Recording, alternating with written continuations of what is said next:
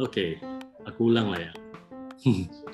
Oke, selamat pagi guys. Assalamualaikum warahmatullahi wabarakatuh. Pagi hari ini kita akan membahas uh, the lean startup pada materi kita pada hari ini. Oke, uh, seperti tadi yang saya bilang, uh, the lean startup ini sendiri bakalan kita lihat sejarahnya dari lean startup dan lean startup ini sendiri di, dikarang oleh Eric Ries itu Ries uh, melihat banyak sekali masalah-masalah yang dilihat sama orang tidak bisa mendirikan suatu suatu venture yang sebenarnya dia uh, inginkan sehingga lean startup ini akan membantu kita dan uh, dan, dan uh, entrepreneur-entrepreneur yang lainnya dalam hal bagaimana sih kita bisa menciptakan suatu venture yang pada akhirnya uh, bisa uh, membantu orang-orang yang mempunyai masalah tersebut. Jadi solution based, okay. problem based, problem based dan solution based yang akan uh, kita pelajari pada uh, pagi hari ini soal the lean startup. Tapi pertanyaan besarnya adalah apa sih sebenarnya lean startup itu? Kan gitu. Apa yang di, di, di, di, diartikan sebagai lean startup? Kita harus tahu sendiri dong apa arti startup. Apakah arti lean gitu kan? Lean lean kalau di dalam apa ya kata-kata sehari-hari kan uh, ramping ya kan? Kurus atau ramping. Lean startup jadi startup yang kurus pak. Startup yang, yang ramping. Nah, apa sih maksudnya kan kayak gitu? Nah, sebelum masuk kepada pengertian-pengertian satu persatu saya mau tanya kepada kalian. Jadi silakan guys uh, buka kameranya uh, dan buka mic-nya bagi yang yang yang uh, yang ditanya atau yang mau mau menjawab terlebih dahulu, saya mau tanya kepada kalian. Menurut kalian startup itu apa pengertian?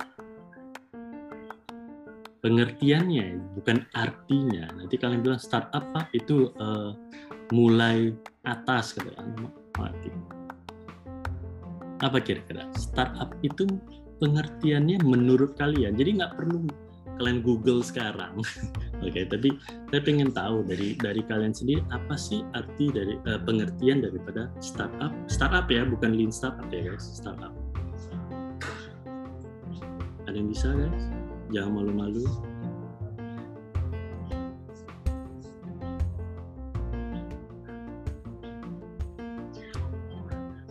Oke, okay, kalau gitu aku tanya. Hmm, ini baru seru. Uh, Dwi Putri, Dwi, Put, Dwi Putri Ramadhani, ada punya pendapat guys? Apa, apa itu startup?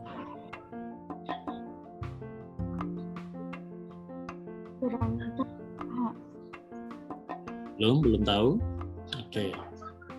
Hmm, oke. Okay. Eh, ada? Bisa? Cindy dulu, Cindy. Nah, Cindy kayaknya lagi udah segar, udah mandi. Okay. Cindy Cindy Natalia. Ya Pak. Ya kira-kira apa sih arti startup? Pengertiannya menurut kamu?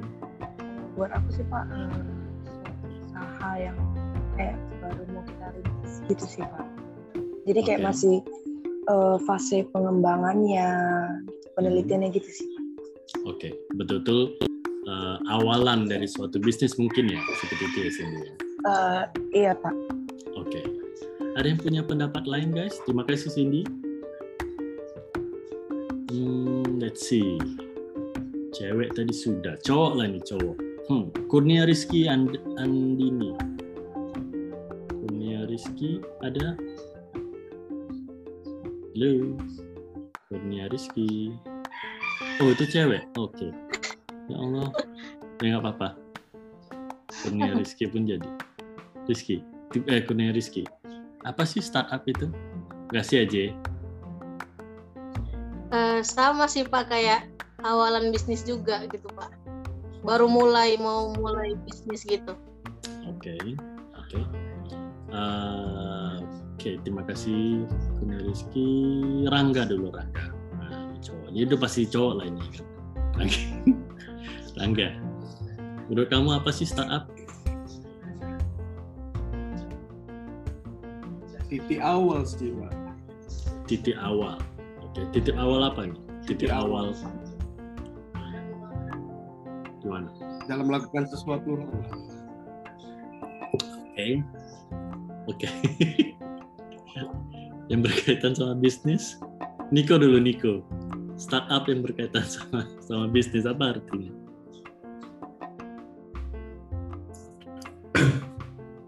Jadi startup itu pak perusahaan baru yang mereka barusan menemukan misalnya ada masalah dan mereka baru menemukan solusinya dan mereka mau menawarkan pak ke pasar gitu pak.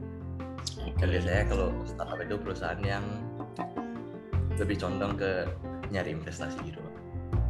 Oke, dia ada condong untuk mencari investasi. Oke, itu itu pernyataan yang menarik yang terakhir ya. Oke. Eh, ada lagi yang punya pendapat guys yang berbeda? Wait, wait. Aku. Eh, oh, di sini. Oke, nanti aja. Eh, siapa lagi ya? Satu lagi lah. Tisioli. Nah, Tisioli. Tisioli, kira-kira menurut kamu apa sih sebenarnya eh, startup itu sendiri? Kalau dibilang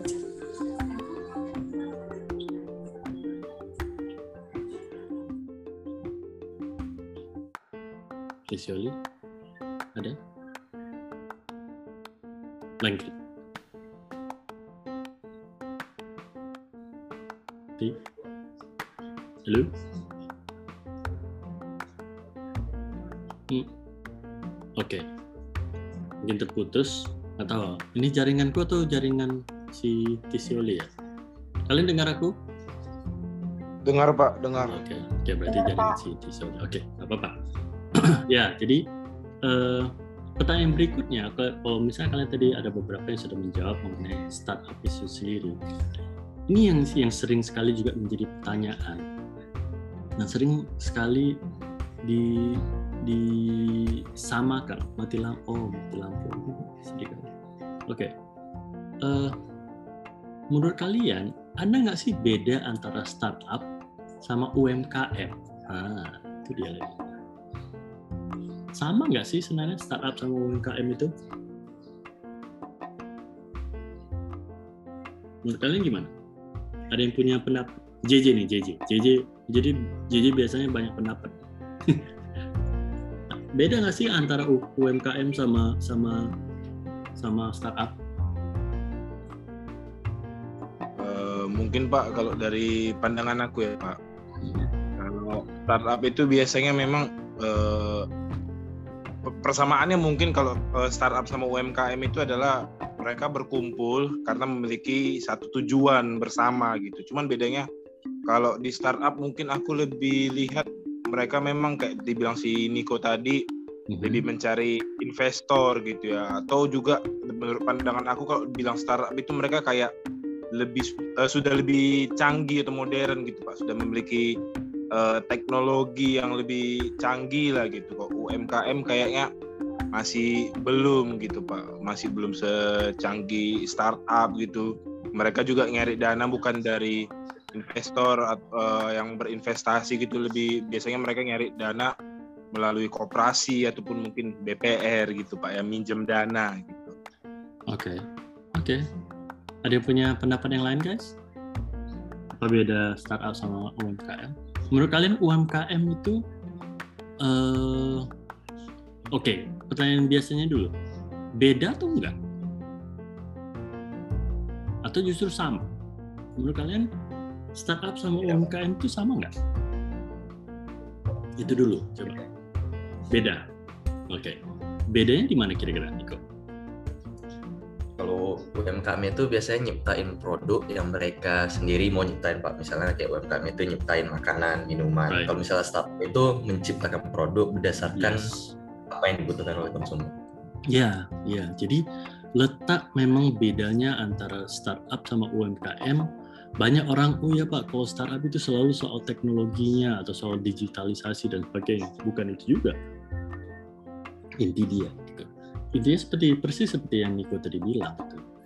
UMKM biasanya dia startnya itu layaknya sebuah bisnis yang yang yang apa namanya eh, eh, biasa yang oke aku ah, aku mau buat buat eh, makanan inilah aku mau buat minuman inilah aku mau buat pakaian inilah berdasarkan keinginan dia gitu bukan kebutuhan si customernya kalau startup dia selalu berawal dari yang namanya uh, uh, masalah.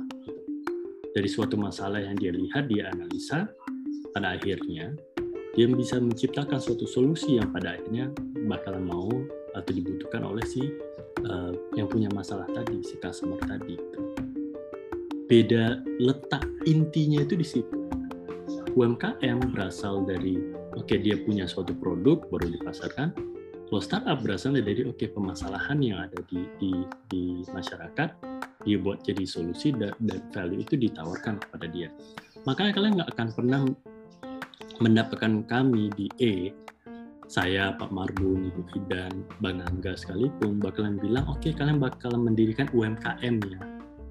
Nggak pernah dari kami kata-kata seperti itu. Kenapa? Karena yang kami inginkan dari kalian adalah kalian mendirikan startup bukan mendirikan hanya sekedar UMKM UMKM gampang apa pun yang kalian pikirkan yang berasal dari kalian untuk kalian kalian kalian utarakan itu uh, boleh dilakukan gitu. ya, terserah buat bisnisnya terserah gitu tapi startup kan nggak nggak nggak berawal dari situ ini cara lain yang kami ajarkan kepada kalian Berarti salah Pak yang mendirikan UMKM? Enggak, itu bukan salah. Yang yang menjadi masalah selalu, makanya ini sering kali kami tanya pasti awal, kalau misalnya kalian masih ingat ya di E1. Apa sih yang paling kalian takutkan kalau membuat suatu bisnis? Kan itu. Ada yang orang bilang modal Pak, ada yang bilang ide Pak, ada yang bilang banyak segala macam, nggak didukung orang tua dan sebagainya. Gitu. Itu kan semua yang yang kalian jawab eh yang ya yang kalian jawab ya kalian utarakan itu saat kalian itu berpikiran seperti layaknya UMKM pada umumnya. Dia berpikiran gimana yang mendirikan suatu bisnis oke okay, orang bisa buat suatu bisnis aku buat apa ya? Gitu kan. Cara dia berpikirnya aku buat apa ya? Aku punya ide apa ya? Dan sebagainya. Bukan melihat, mengobservasi. Ingat kan human centered design di design thinking kalian di S1. Melihat, mengobservasi apa yang dibutuhkan sama sekelompok masyarakat tertentu, suatu uh, lingkungan tertentu. Dari situ kan ketika kita lihat, oh iya ada masalah ini rupanya ada masalah kita menciptakan suatu, suatu solusi. Harapannya adalah solusi tersebut pada akhirnya nanti bisa menghasilkan pendapatan bagi kalian. Kan itu triknya. Jadi itulah bedanya startup sama uh, eh, UMKM. Yang startup dilakukan sebisa mungkin sehingga uh, kemungkinan kalian untuk mendapatkan suatu pendapatan itu jauh lebih tinggi dari orang-orang yang hanya sekedar mendirikan suatu UMKM. Oke, paham ya situ ya. Nah, untuk lebih lengkapnya lagi, gitu kan, untuk pengertian startup ini ini hampir hampir pas dengan apa yang dibilang oleh Nico tadi. Oke, hampir. Startups, a human institution. Jadi udah pasti seorang uh, manusia, sekelompok manusia, institusi manusia yang didesain untuk membuat, to create a new product or service jadi betul-betul untuk membuat suatu barang atau jasa yang baru atas dasar extreme uncertainty. Ya kan? Ini juga yang menjadi salah satu ketakutan kalian kan bahwasannya masa depan itu tidak bisa ditebak. Ya kan? Uncertain dia, nggak bakalan tahu kita masa depan itu bakal seperti apa. Sama layaknya kayak kita nggak tahu corona ini bakalan seperti apa, COVID ini bakalan selama apa Oke, siapa yang menduga COVID ini bakalan menyerang? Banyak bisnis-bisnis pada akhirnya tiba-tiba stop, Makanya dia extreme uncertainty. Itu juga yang mendasari juga, aduh aku nggak punya ide, uncertainty juga. Aduh aku buat apa ya bisnisnya orang buat ini, aku buat apa ya itu uncertainty juga. Itu yang dihadapi oleh orang-orang yang ingin mendirikan UMKM. Beda sama orang-orang yang ingin mendirikan startup orang-orang yang mendirikan startup dia bukan bakalan aku oke okay, aku buat apa ya bukan kayak gitu dia lihat oke itu di situ ada masalah ini. Oke sekarang ini ada masalah ada masalah covid. Oh ini sekarang ini ada masalah pengangguran lagi uh, lagi lagi tinggi tinggi tinggi tingginya gitu. apa yang bisa kalian jadikan solusi atas dasar itu? Nah itulah si startup. Bukan soal jadi digitalisasi dan sebagainya itu salah satu faktor juga. Cuma bukan itu intinya. Intinya adalah ini tadi dia adalah a human institution designed to create a new product or service under conditions of uns extreme uncertainty. Makanya aku merahkan tuh extreme uncertainty. Karena sama sekali nggak bisa kita duga masa depan itu bakalan seperti apa gitu. Mungkin bisa kita berasumsi nanti atau kita prediksi dan sebagainya gitu.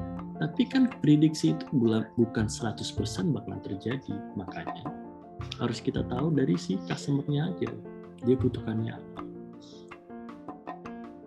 nah untuk itu juga lean startup a method to systematically address uncertainty tersebut okay. Jadi lean startup ini guys adalah suatu metode yang secara sistematis akan langsung berhubungan dengan yang namanya uncertainty tadi. Karena ketidakpastian itu selalu ada. Yang harus kita lakukan adalah pertama rapid iteration. Oke, okay. makanya Pak Marbun selalu bilang, nanti kalian bisa sudah E3 ke atas, E4, E5, E6, yang bakalan selalu kalian kerjakan adalah hal yang sama. Okay. Mengulangi proses-proses itu, ideation, okay. validasi, evaluasi, balik lagi, dan sebagainya, balik lagi, dan itu lagi, balik lagi. Kenapa? Itulah yang namanya iterasi, guys. Pengulangan.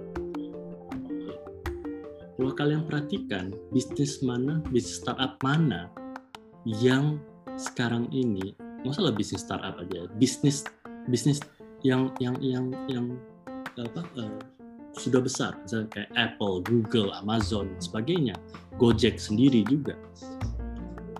Bisnis mana yang sebenarnya berhenti dia melakukan uh, inovasi? Ada nggak? Nggak ada kan? Ya kan? Gojek sendiri aja dari mulai dia non aplikasi berinovasi menjadi aplikasi dari bukan hanya sekedar pengantaran habis itu jadi GoFood ada Go Massage, Go Clean dan Go Go Go yang lainnya itu gara-gara apa? rapid iteration itu di saat dia tahu ada masalah oke okay, di tesnya berhasil dievaluasi apalagi yang dibutuhkan sama si customernya.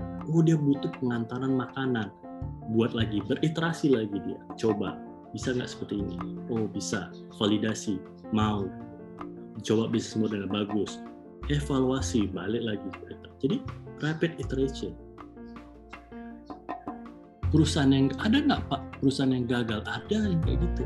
Yang berhenti dia beriterasi. Contoh Nokia Nokia kan di saat Android sama iPhone lagi masuk mereka kan berhenti berinovasi kenapa? Karena mereka nggak tahu apakah egonya terlalu besar pada waktu itu gitu ya. mereka mengatakan enggak enggak. Kami itu adalah handphone sejuta umat. Semua orang sudah menyukai. Kami nggak perlu berinovasi atau berubah. Apa yang terjadi? Ada di antara kalian masih pakai Nokia di sini?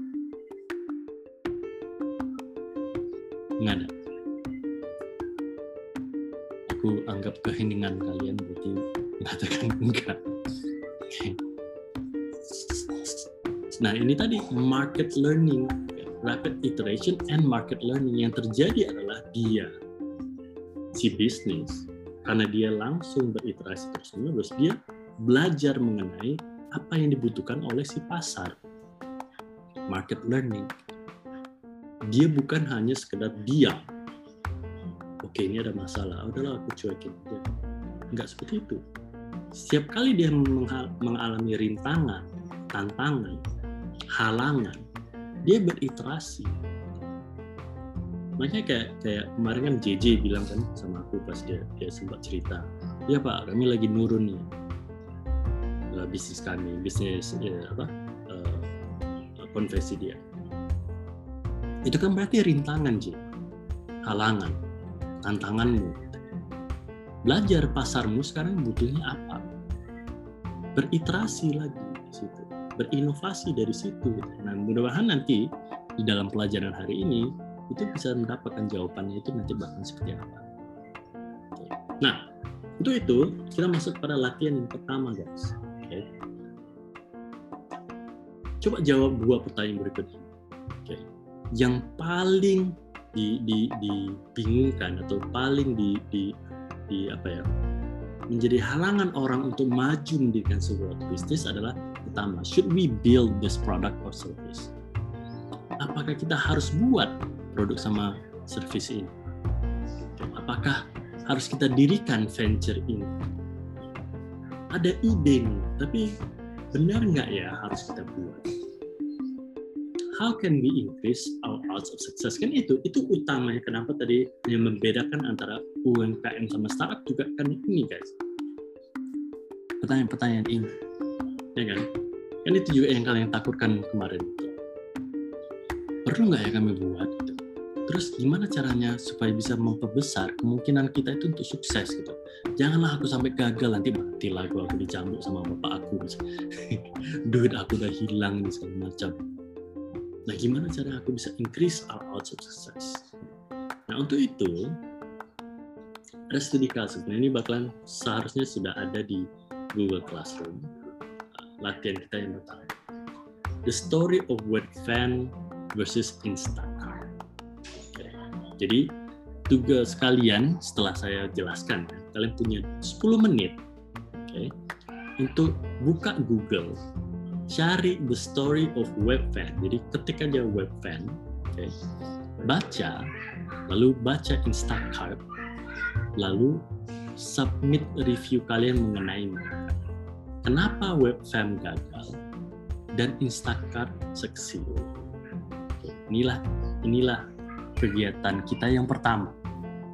Okay, ini ini menjadi suatu studi kasus klasik di Lean Startup kenapa Webvan suatu perusahaan startup oke okay, uh, pas dia dirikan uh, itu mengalami kegagalan. Kenapa Instacart mengalami kesuksesan? Padahal mereka di bidang yang sama. Nah sebelum aku mulai 10 menitnya ada yang mau bertanya soal tugasnya ini kegiatan ini silakan guys kalau nggak ada, biar kita mulai 10 menit. Pak, ini per orang ya Pak? Per Atau orang. Per kelompok? Per orang, per orang. Aku butuhnya per orang. Jadi uh, makanya tadi kalau kalau lebih gampang kalau misalnya pakai pakai ini sih uh, apa uh, laptop, tapi kalau nggak ada pun nggak apa-apa bisa pakai phone. Ya, tapi yang ngetik ngetiknya agak harus lebih cepat gitu. atau membacanya kalian harus lebih cepat. Oke, jadi silakan buka Google, oke, uh, ya lihat dulu. Oke okay, website ini udah udah ada di ini ya guys. Sudah ada penidunya oke okay, ini aku edit sebentar. Aku sampai ke ya 10 menit. So 09 05 oke okay, silakan guys. Silakan buka Google dan dibaca lalu uh, apa namanya uh, di submit review kalian nggak perlu panjang-panjang tapi intinya adalah kalian bisa mengetahui apa sih perbedaan yang dijalankan oleh Webvan uh, dan Instacart. Kenapa Webvan gagal, kenapa Instacart uh, berhasil. Oke, okay? silakan.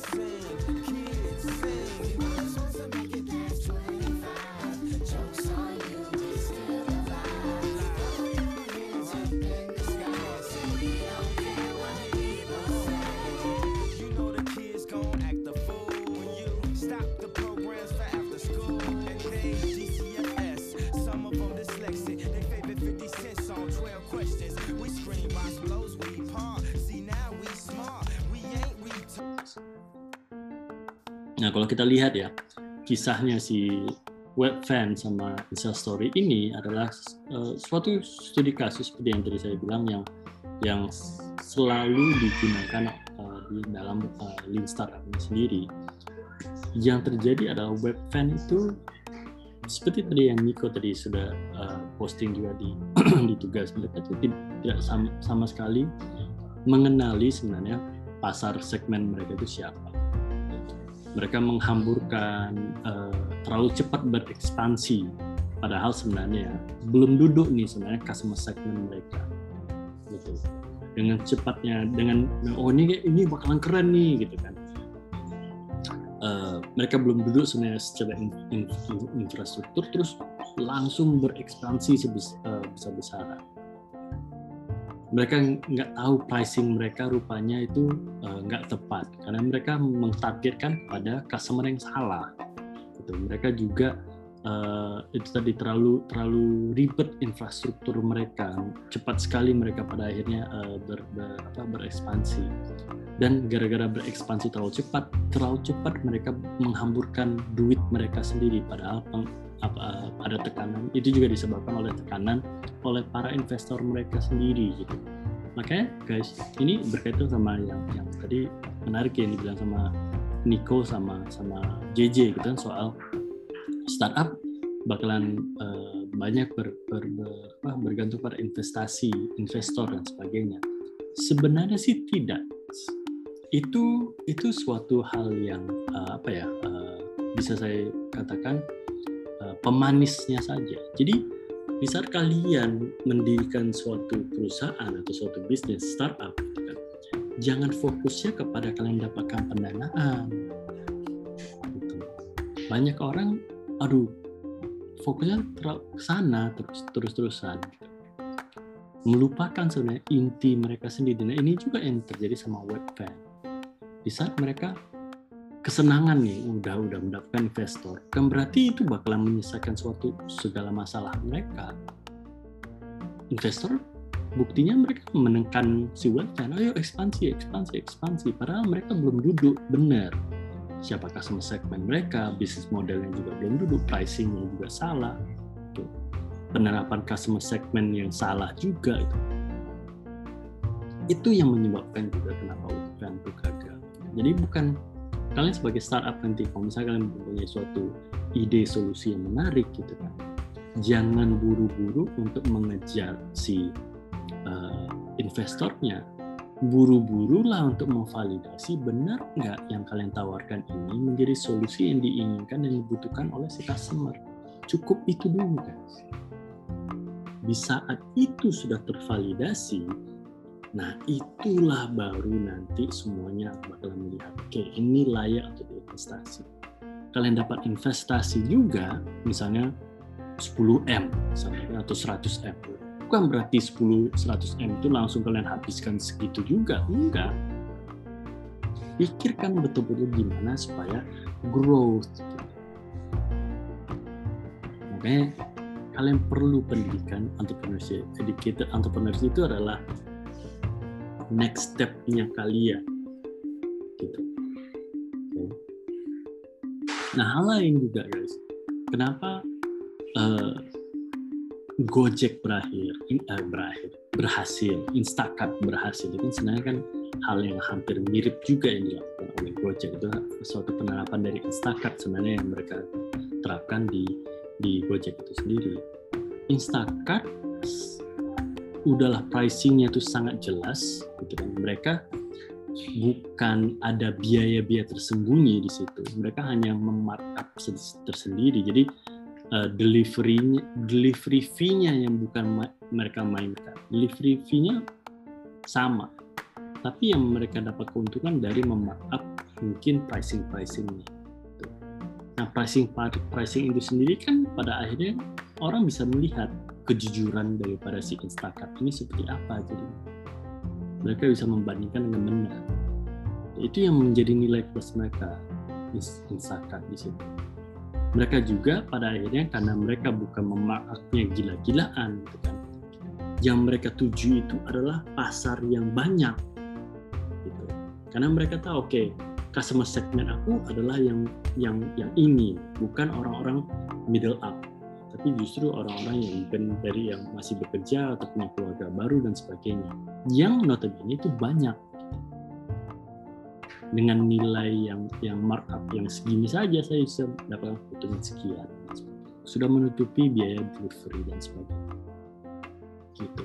Jadi Instacart itu meng, uh, apa, menghindari yang namanya kesalahan-kesalahan dilakukan oleh fan itu yang yang, yang dikatakan juga di beberapa yang aku baca itu mereka menghindari atau tidak mengulangi kesalahan-kesalahan yang dilakukan oleh fan.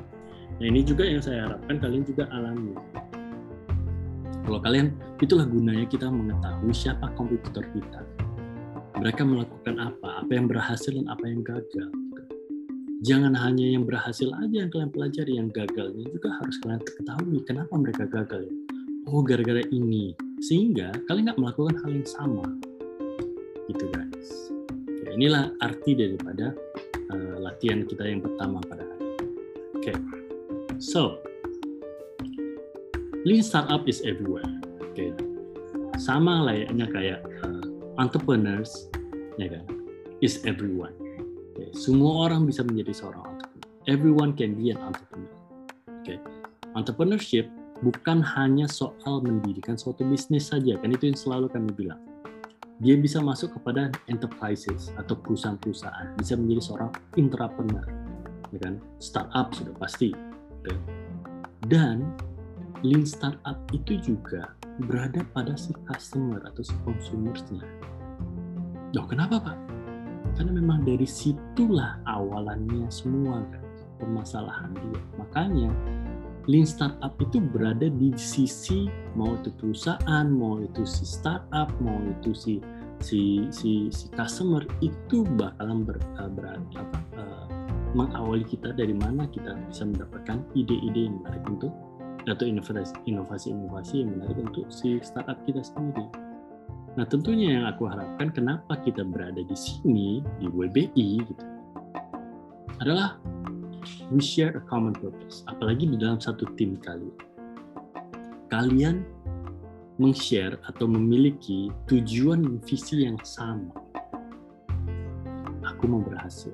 Aku mau jadi seorang entrepreneur. Aku mau bisnis atau venture yang aku coba buat di WBI ini pada akhirnya itu bisa berhasil dan membuat suatu keuntungan bagi aku. Kami tentunya senang dong sebagai dosen kalian kalau misalnya kalian mempunyai seperti itu. Kalau kalian sudah mempunyai suatu visi yang sama di dalam tim kalian, di dalam kelompok kalian, di dalam perusahaan startup kalian, which leads to a company that continues creates new sources of growth. Harapannya adalah karena kalian juga memenuhi atau uh, menyukai uh, visi yang sama, memiliki visi yang sama, tujuan yang sama. Pada akhirnya growth opportunity itu kan selalu datang.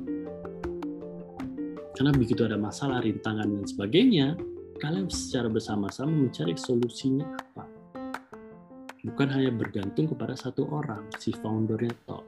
Atau justru kadang-kadang ada juga yang ya pak foundernya tidur aja nggak nggak nggak nggak, nggak mau dia kerjain ya sebagainya itu berarti nggak mempunyai tujuan yang sama atau visi yang sama harapan saya adalah di kalian memilih menjadi satu kelompok bukan hanya nebeng mendapatkan nilai.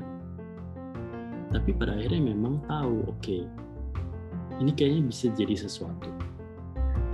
Aku nggak perlu bayar lagi uang kuliah di saat ini bisa berjalan. Aku bisa mendapatkan jajanan tambahan kalau bisa ini bisa berjalan. Aku bisa mempunyai kehidupan yang lebih baik daripada sebelumnya kalau ini bisa berjalan. Harapannya itu nah makanya kita memerlukan requires a new growth operating system makanya kalian memerlukan sekarang operating system yang baru bukan hanya berpikiran seperti kata UMKM aja tapi berpikiran kreatif, inovatif. OS terbaru, gitu. Android sistem terbaru, Snapdragon yang terbaru, atau apa pun yang Android atau apa. iOS yang terbaru, kan itu operating system. supaya handphone kalian bisa berjalan. Kalau nggak ada operating system itu, sistem operasi itu, handphone kalian kan nggak akan bisa berjalan. Layaknya gitu juga. Bisnis kalian kan tidak akan bisa berjalan tanpa operasi bisnisnya itu. Tuh kan. Nah untuk itu juga ini belum masuk pada lean startup sebenarnya. lean startup kita tiga hal yang bakal kita perhatikan. Sejarahnya, terminologinya, sama pengaplikasiannya itu seperti apa. Yang pertama sejarah singkat. Nah ini awal mulanya si uh, apa lean startup dan pengembangannya. Oke. Nah Robert Deming kalau kalian tahu sendiri inilah bapaknya sekali manufaktur dan sebagainya. Dari situlah awalnya. Kalau kalian bisa searching ke Google kalian bakal melihat lagi Robert Deming itu siapa. Baru ada Toyota Lean Manufacturing. Toyota ini kan pada akhirnya kan uh, terkenal dengan yang namanya uh, just in time mereka. Di saat mereka bisa memproduksi uh, sekian banyak mobil dalam waktu yang sangat singkat. Beda dengan yang dilakukan sama Ford. Standarisasi Toyota itu ditiru di banyak perusahaan, apalagi Asla. Apalagi perusahaan-perusahaan sekarang yang berdiri setelah Toyota meniru gaya just in time Toyota. Mereka bakal melihat ada teori yang namanya just in time tepat waktu just in time itu yang yang yang yang uh, apa, uh, dibuat oleh Toyota dan ditiru sama hampir banyak uh, perusahaan-perusahaan yang ada di dunia. Baru ada agile software development, baru masuk kepada lean startup-nya si Eric Ries. Nah, lean startup ini sendiri itu yang mendasari Steve Blank. Nah, Steve Blank ini juga salah satu pengarang uh, yang cukup uh, apa, terkenal, apalagi dia uh, buku-bukunya soal kreativitas sama inovasi, gitu. itu ada juga di, di ruangan WBC ada juga uh, buku Steve Blank di, di, Tapi balik ini, kalau misalnya kau penasaran dengan Steve Blank itu siapa, dan itu yang menjadi penasarannya uh, Eric Ries di sini. Gabungan dia menggabungkan Steve Blank teori-teori yang dibuat oleh Steve Blank uh, dan dibuatnya menjadi uh, buku Lean Startup. Makanya Lean Startup ini bakalan sangat mendasari dari apa yang namanya kreativitas dan inovasi. Tidak lepas dari situ. Makanya di E2 dan E3 kan kami mendorong sekali kalian untuk berkreasi setinggi mungkin, berinovasi setinggi mungkin nanti di E4 ini. Nah, turunan daripada Lean Startup di situlah lahirnya Alexander Osterweider. Di situlah lahirnya business model generation yang melahirkan business model canvas, value proposition canvas, dan nantinya kalian bakalan belajar di E5 dan, uh, dan E6 adalah uh, bagaimana kita bisa mengekspand menjadi market opportunity. Dan itulah lahir daripada Lean Startup Community itu sendiri. Jadi semua teori-teori yang kita gunakan guys dari di WBI ini sendiri berasal dari satu pihak tertentu dari lean startup. Turunannya kenapa kita pakai BMC dan uh, eh, VPC karena ya gara-gara kita memakai lean startup. Jadi kalau misalnya ada yang nanya, uh, kenapa kalian nggak uh, pakai lean startup aja dan sebagainya, kenapa kalian pakai BMC dan VPC? Ya karena BMC dan VPC itu turunan daripada lean startup sendiri. Alexander Osterweider mem membuat metode tools BMC sama VPC itu gara-gara bukunya Lean Startup dari Eric Ries. Jadi eh, jangan terkejut kalau misalnya orang bilang udah pakai Lean Startup aja, lebih cepat, lebih bagus. Ya kan memang itu sebenarnya yang kita lakukan. Gitu. Nah, makanya ini ya yang bakal kita coba apa, eh, apa namanya ungkapkan di, di pertemuan hari ini. Nah, untuk itu ada latihan kita yang kedua, oke, berkaitan sama yang why are here. Cukup hanya ya 10 menit lah ya, 10 menit lagi, oke. Coba second exercise kita kalian hanya punya 10 menit ya untuk untuk melakukannya. Pertama, organisasi atau venture kalian itu mengenai apa sih sebenarnya? Nah, jadi nanti silahkan ini ini kuncinya di sini ya. Buat nama kalian, buat nama kelompoknya apa dan anggota timnya siapa. Baru buat di bawahnya satu. What is your organization about? Oke. Perusahaan venture kalian itu mengenai apa sih? Itu nomor satu.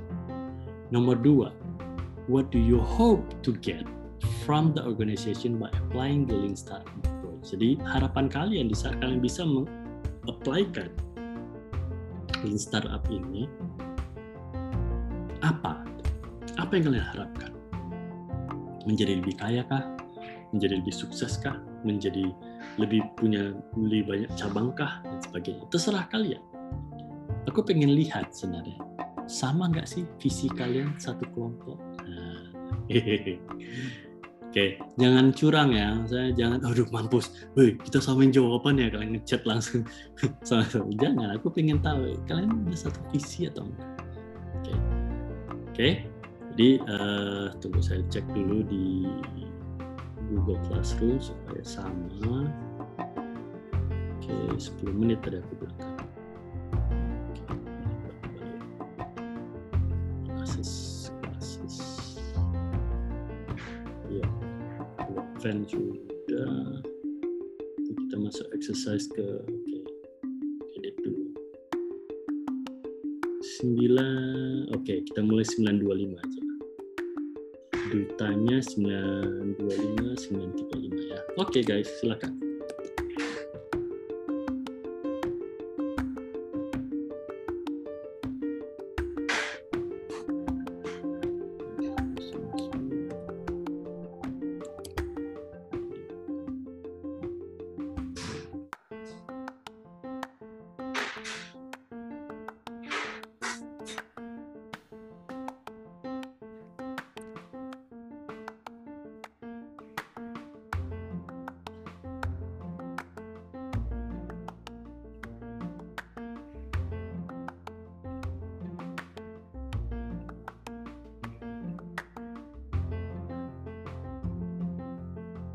Pak, tadi pertanyaan pertama apa, Pak? Oh, uh, pertanyaan pertama adalah What is your organization about? Mengenai apa sih sebenarnya organisasi kalian? Oke, Pak.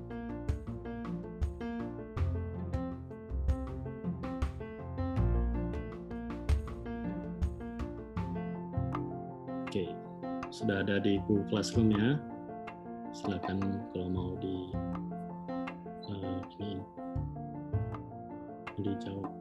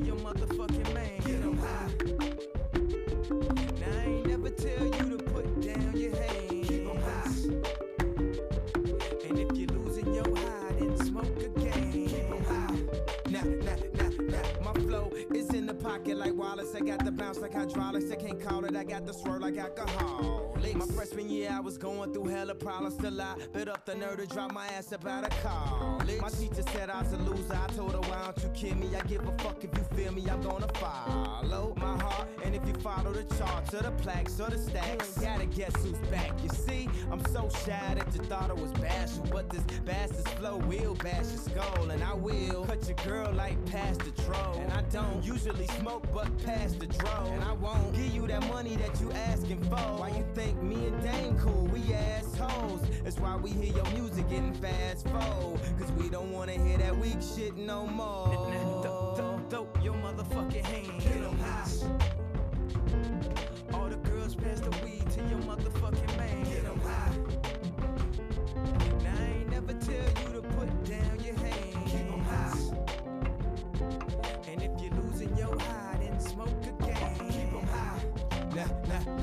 Who the hell is this? Emailing me at 1126, telling me that she 3626. Plus double D, you know girls on Black Planet B when they get bubbly at NYU, but she hail from Kansas. Right now she just lamping, chilling on campus. Sent me a picture with a feeling on Candace, who said her favorite rapper was the late great Francis. W-H-I-T, it's getting late, mommy. Your screensaver say tweet, so you got to call me and bring a friend for my friend. His name Quali. You mean Talib, lyrics stick to your rib. I mean, that's my favorite CD that I play in my crib. I mean, you don't really know him. Why is you lying? Your quiet, she don't believe me. Please pick up the line. She gon' think that I'm lying. Just spit a couple of lines, then maybe I'll be able to give a dick all the time and get a high. Yeah. I can't believe this nigga use my name for picking up dimes. But never mind, I need some tracks. You trying to pull tracks out. And my rhymes is finna blow. You trying to blow backs out. Well, okay, you twisted my arm. I'll assist with the charm. And yo, I ain't you meet that chick at that conference with your mom's sister, the bomb? But she got the pushy behavior. Always got something to say, like a okay player hater. Anyways, I don't usually fuck with the internet. A chicks with birth control, stuff that they on like Nicorette. You really fucking that much? Or trying to get on cigarettes? If she think it's fly, she ain't met a real nigga yet. I apologize if I come off a little inconsiderate. I got the bumper cushion, the sister could get ahead of it. Get 'em Yeah. high like noon or the moon or a room filled with smoke, a hype filled with dope. Y'all assumed I was doomed out of tune, but I still feel the notes. The real nigga quotes. Real rappers is hard to find, like a remote. Control rappers out of. You super still got love. That's why I abuse you who are not thugs. Rock clubs like Tiger, Woods in the hood to have my own reality show called Soul Survivor. I stole on lava, niggas and you. You's a bitch, I got ones that are thicker than you. How could I ever let your words affect me? They say hip hop is dead, I'm here to resurrect me. Mars is too sexy to even make songs like these. That's why the raw don't know your name. Like Alicia Keys, too many featured MCs and producers is popular. 12,000 spins, nobody got the cop in a album. How come you the hot garbage of? The years clear, your image is looped up. Label got you souped up, telling you you sick when you a dick with a loose nut. Video hard to watch like Medusa. Even your club record need a booster. Chimmed up with a pimp cup, illiterate nigga. Read the info, red across your head. I'm Greg King like Simba. Than Denver. I ain't a mad rapper, just an MC with a temper. You dancing for money like honey. I did this my way. So when the industry crashed, I survived like Kanye. Spitting through wires and fires. MCs retiring. Got your hands up. Get the motherfuckers higher than. Th- th- throw your motherfucking hands. Get 'em high. Yeah. All the girls pass the weed to your motherfucking man. Get 'em high.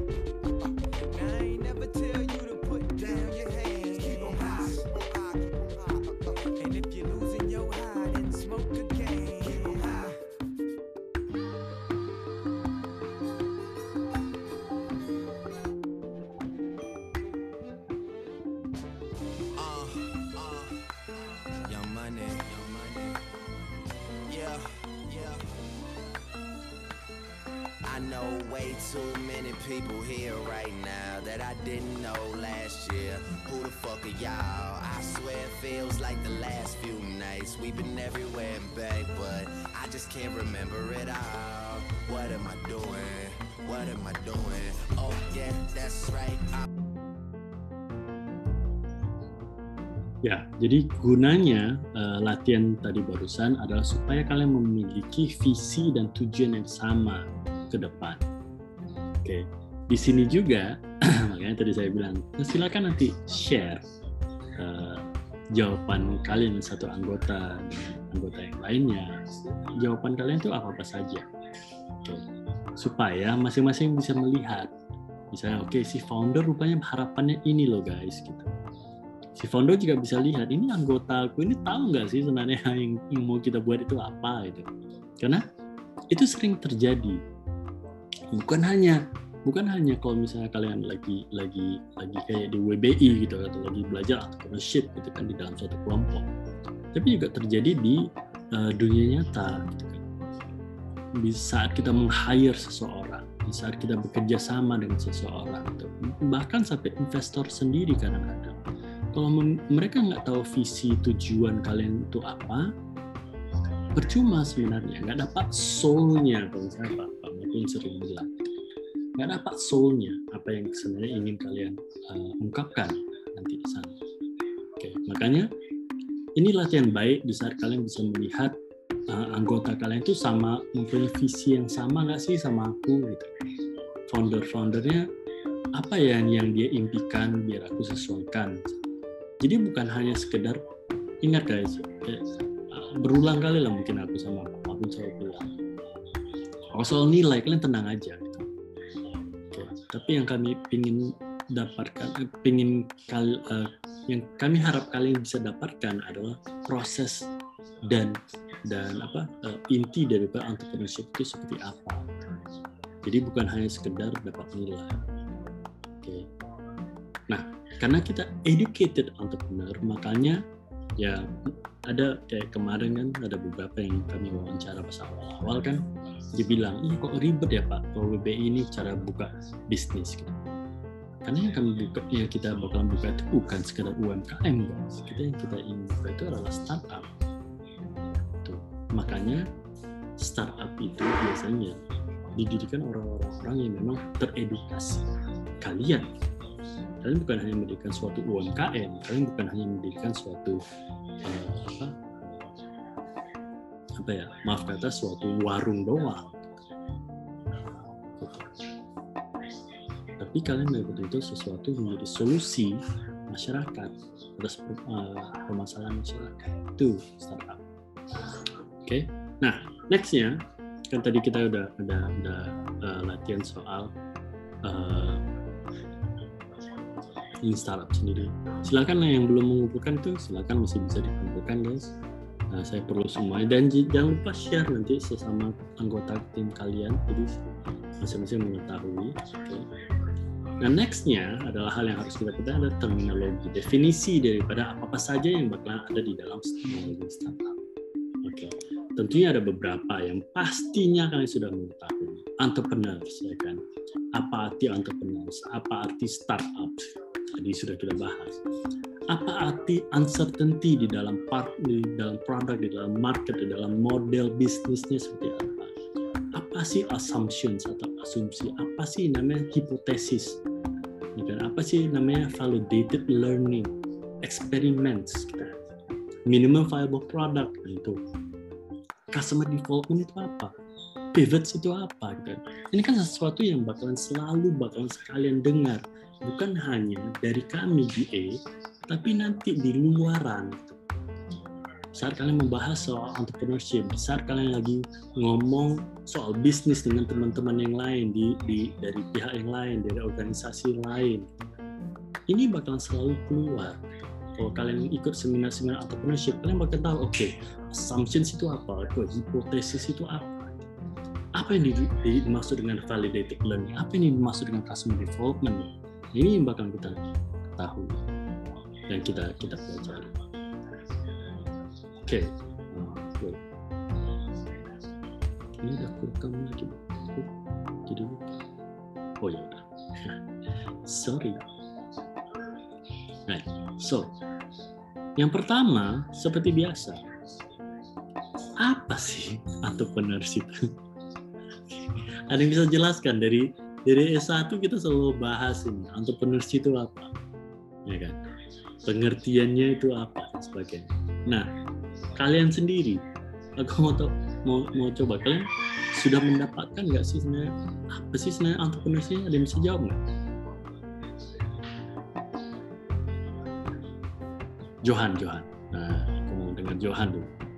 Johan, ada? Masih masih hidup atau udah tidur lagi? Johan? Ada Pak. Oh ada. Oke. Okay. Apa sih entrepreneurship itu menurut kamu? Hmm, kalau menurut aku sih entrepreneurship itu mulai sesuatu yang jadi masalah di sekitar kita sendiri lalu dan menuangkan itu ke sebuah solusi di mana solusinya itu bisa dan tahan masalah contohnya masalah-masalah di sekitar kita itu bisa kita tuangkan jadi sebuah bisnis okay. yang simple lah oke okay. oke okay. kurang lebih sederhana seperti yang saya ketahui pak Oke. Eh, ada yang punya pendapat lain? Apa sih sebenarnya entrepreneurs itu? Aku Pak, Yes, silakan Bella. Kalau menurut Bella entrepreneur itu lebih kepada gimana cara kita menyikapi suatu masalah dan Oke. kita bisa menghasilkan suatu solusi yang bisa berdampak bagi sesama. Bukan hanya mulu-mulu tentang pencarian profit, tapi gimana eh, solusi yang kita hadirkan itu bisa benar-benar bisa benar-benar berdampak dan orang lain bisa tahu, oh ternyata dari masalah ini solusinya itu ternyata tuh begini dan kita jadi lebih gampang menjalani hari-hari kita karena adanya solusi ini. Jadi masalah-masalah yang pernah kita hadapi sebelumnya dan kita nggak tahu gimana cara menyelesaikannya karena solusi yang diberikan kita jadi bisa lebih gampang menjalani hidup gitu Pak. Nice. Kalau dari mindset ke situ mau kita jadi pengusaha apa pun pekerjaan kita tapi kalau kita punya mindset untuk bisa menjadi solusi bagi sesuatu atau seseorang eh, di saat itulah kita bisa mengatakan diri kita itu seorang entrepreneur. Very good. Bagus tuh. Jadi berarti you, bukan Pak. hanya di dalam bisnis ya kan, tapi bisa juga Yes. kalau jadi karyawan bisa nggak jadi entrepreneur? Yes, bisa. Apa pun PNS karena entrepreneur is about mindset. Yes. Thank you very much Bella. Ya, itu itu jawaban yang pas sekali itu guys. Jadi si entrepreneurship itu sendiri, eh, entrepreneurship ya, ya, entrepreneurship itu sendiri bukan hanya sekedar mendirikan bisnis gitu kan. Itu bisa diterapkan di semua lini. Mau itu kedokteran, mau itu eh, hukum, mau itu pertanian, mau itu akuntansi, apa pun gitu. Mau kita itu menjadi seorang profesional, menjadi seorang di- karyawan di dalam suatu perusahaan atau menjadi manajer atau menjadi apa pun guys. Entrepreneurship itu, ilmu entrepreneurship itu itu bisa diterapkan dengan sangat baik.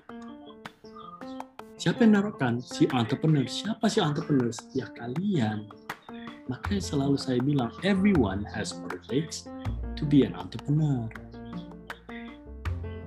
bukan hanya sekedar mendirikan bisnis, tapi adalah karena dia melihat suatu solusi, eh sorry, masalah, dan dia berpikir, ya kan, di dalam otak dia, mengobservasi, oke kira-kira apa yang menjadi solusi. Dibentuk suatu ide solusi tersebut, ide solusi itu dicobanya, divalidasikannya, dan orang rupanya menginginkan membutuhkan solusi dia, di situlah dia seorang entrepreneur. Di saat solusi yang dia terapkan itu itu berhasil menjawab eh, apa keinginan daripada eh, si eh, dan kebutuhan daripada si customer itu. Thank you Bella, itu jawaban yang sangat pas tadi. Kalian bisa bisa eh, apa eh, catat tuh tuh pas sekali. Oke.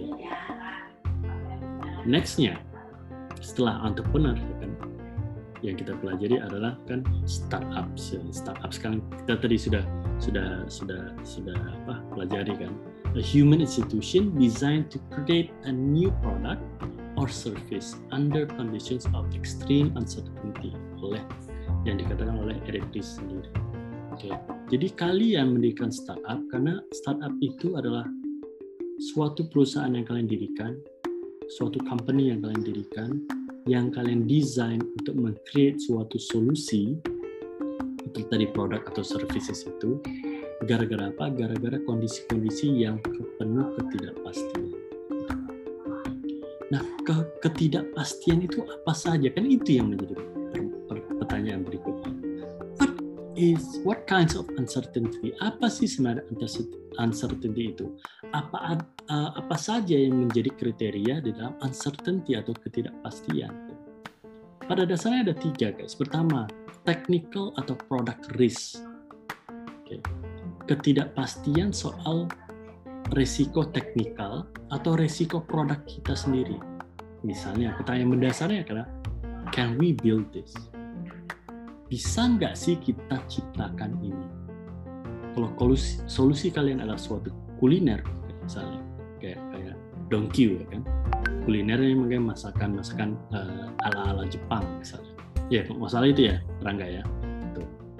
Pertanyaan berikutnya adalah bisa nggak sih kami meng-create makanan ini kan gitu atau atau misalnya kalian sebuah aplikasi kayak uh, skill lifter atau go go go online. Can we build this? Bisa nggak sih kami menciptakan itu membuat aplikasi ini atau website ini? Apakah kita sendiri yang build atau harus kerjasama dengan orang lain supaya bisa di build, supaya bisa di, di, di, dibuat? Itu tergantung. Tapi pertanyaan mendasarnya adalah bisakah kami atau kita membuat produk atau service ini? Itu uncertainty yang pertama, yang sangat mendasar. Yang kedua adalah uncertainty mengenai customer dan marketnya. Si pelanggan dan pasar kita, resiko si pelanggan dan pasar kita. Kalau kita buat hal yang pertama di atas tadi, apakah si customer akan membelinya? Apakah si pasar akan menerima solusi yang kami tawarkan, produk yang kami tawarkan, services yang kami tawarkan? Itu uncertainty yang kedua, guys. Kan itu juga yang bakalan jadi pertanyaan kalian. Oke, okay, kayak donkey kan? Oke, okay, masakan kami bakalan terima nggak ya? Ada nggak orang yang bakalan beli ini? Kan gitu. Sehingga muncul uncertainty yang ketiga, the business model risk. Resiko bisnis model.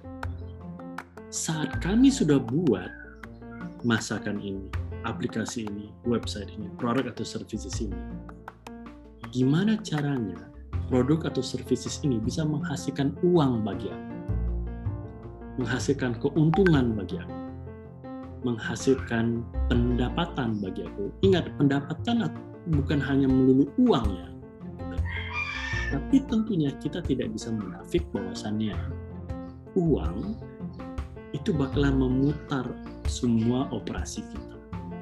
Tanpa itu, mau kayak mana caranya kita menjalankan bisnis kita atau venture kita atau perusahaan kita? Kan gitu startup kita. Kalau kita bicara soal startup sekarang gimana caranya kita bisa menjalankan startup itu? Kan nggak mungkin dengan proyek thank you doang. Kan gitu sehingga pada akhirnya oke okay, gimana caranya aku bisa menghasilkan supaya bisnis ini tetap berjalan bisa bertumbuh bisa sustainable? Dan harapan kalau aku sendiri ya harapannya adalah di saat kalian di semester sekarang. Gara-gara kalian jalankan inilah kalian nggak perlu lagi ambil beasiswa. Atau yang sudah ada beasiswa uh, beasiswa itu uh, apa uh, yang uang dari hasil venture ini bisa kalian gunakan untuk hal yang lain menabung atau apa.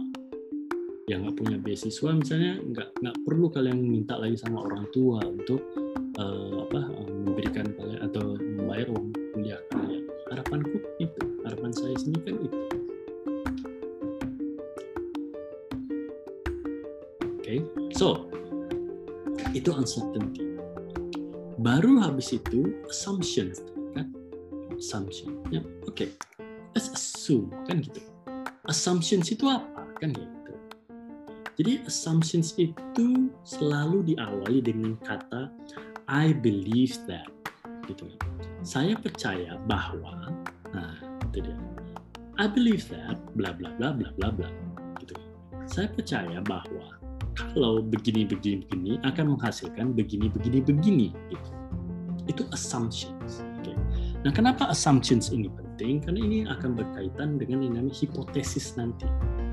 Oke, okay. apa lagi tuh Pak hipotesisnya? Tenang aja guys. Oke, okay. seperti kalau assumptions pasti gampang ya, asumsi-asumsi kan gitu.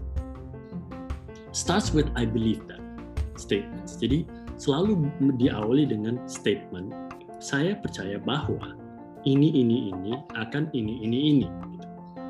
jadi dia mengklarifikasi pengertian of what you don't know with certainty jadi dia bakalan mengklarifikasikan sesuatu yang tidak kalian ketahui oke okay. dengan sesuatu yang kalian ketahui oke okay, jadi misalnya kayak ini uh, I believe that saya percaya bahwa makanan kuliner Jepang ini akan menjawab lidah milenial sekarang ini. Ketidakpastiannya kan adalah selera lidah milenial. Kepastiannya adalah saya percaya makanan kuliner Jepang ini lah itu. Misalnya kayak gitu, donkey misalnya. Dan yang lain-lain. Atau yang lain juga bisa seperti itu. Jadi yang betul-betul harus kalian identifikasi adalah critical assumptions-nya itu apa? Asumsi yang paling kritikalnya itu apa? Kenapa dongkyu itu harus ada? Kenapa dongkyu itu hasilnya itu adalah makanan kuliner Jepang? Apakah kuliner Jepang akan menjawab lidahnya anak-anak milenial sekarang? Misalnya seperti itu asumsi. Iya Pak, kami berasumsi bahwasannya eh, sekarang ini kan orang sudah bosan dengan rasa-rasa makanan yang sekarang, misalnya seperti itu. Jadi kami berasumsi dengan dengan selera yang baru dengan ala Jepang masih uh, berkaitan sama Asia, lidahnya itu masih masuk dengan selera anak milenial sekarang, apalagi di Indonesia. Misalnya itu asumsinya, itulah dia. Sesuatu yang kalian ketahui kuliner Jepang dengan sesuatu ketidakpastian lidah si milenial. Sama kayak dilakukan oleh Airbnb mereka berasumsi bahwasannya di saat orang lagi berkunjung ke suatu tempat, suatu kota, liburan dan sebagainya, sebenarnya mereka memerlukan sebuah hotel yang mempunyai biaya banyak, kan? Oke, mahal kan menyewa suatu hotel. Yang sebenarnya mereka hanya perlu tempat untuk mereka nginap saja, a small place dengan biaya yang rendah seperti itu itu asam assumption dia. Okay. Yang mereka tahu bahwasanya orang nggak perlu hotel, orang hanya perlu tempat penginapan. Okay. Tapi uncertainty-nya adalah apakah mereka mau membayar sesuatu yang lebih murah, tempatnya nggak selengkap hotel dan sebagainya, dan pada akhirnya itu yang bakalan dibuat hipotesisnya.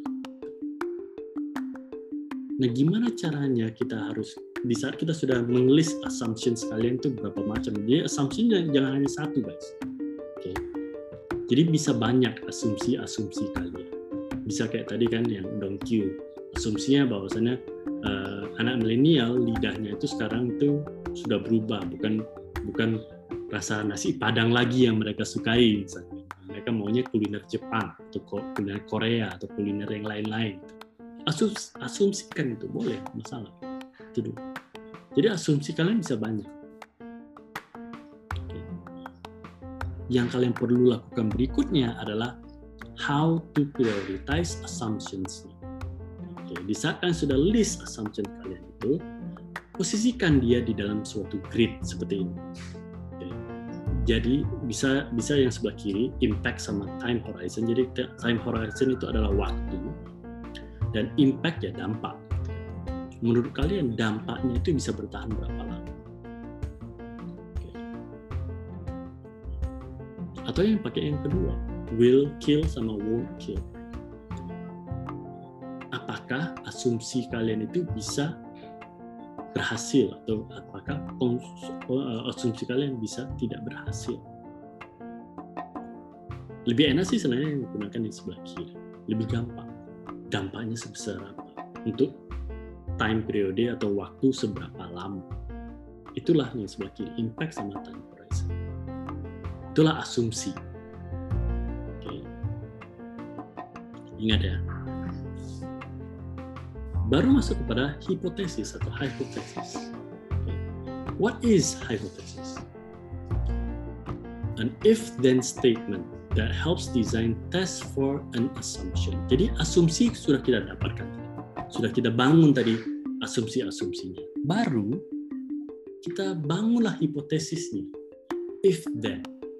Jadi dia bakal mengklarifikasi apa yang ingin kalian menjadikan sebagai solusi. Dan dia bakal sangat spesifik terhadap yang namanya action timing and value of impact. Makanya tadi saya bilang lebih enak sih kalau misalnya kita gunakan impact yang sebelah kiri ini. Dan gara-gara hipotesis inilah kalian bisa mendesain sebenarnya MVP kalian. Seperti itu. Hipotesisnya kayak mana Pak kita bangun? Ingat, dia itu sebenarnya mengklarifikasi ketidakpastian yang ada. Oke. Dia juga mengklarifikasi solusi-solusi asumsi yang kalian ingin bangun tadi. Jadi kalau misalnya kayak Donkey tadi kan, eh, asumsinya adalah anak-anak milenial sekarang itu lidahnya itu sudah berbeda. Oke, jawaban kalian adalah kuliner Jepang pastinya itu. Itu kan eh, eh, asumsinya. Lalu kita buat itu benar asumsi itu benar jika if then apa? Nah apakah itu diasumsikan benar di saat kalian berikan suatu tester? Apakah itu benar jika di saat kalian lihat oh ya semua orang memesan uh, makanan makanan Jepang dan sebagainya apakah itu benar jika di kalian sudah mengumpulkan data kalian dapatkan oh ya memang orang sekarang ini lebih disukai makanan Jepang daripada makanan masakan Indonesia atau Padang dan sebagainya. Silahkan apa pun. Contohnya kalau kita masuk ke Airbnb lagi critical hypothesis hypothesis dia itu adalah bisa dia bilang professional photograph listings get two times more businesses. Jadi misalnya kayak gini kalau kita lihat di websitenya Airbnb, banyak sekali kan hosting-hosting atau rumah-rumah atau kamar-kamar yang berbeda-beda dan sebagainya. Hipotesis mereka adalah jika gambar atau foto foto kamar atau rumah diambil secara profesional, itu akan meningkatkan kemungkinan orang untuk menyewakan uh, kamar tersebut. Dan terbukti rupanya iya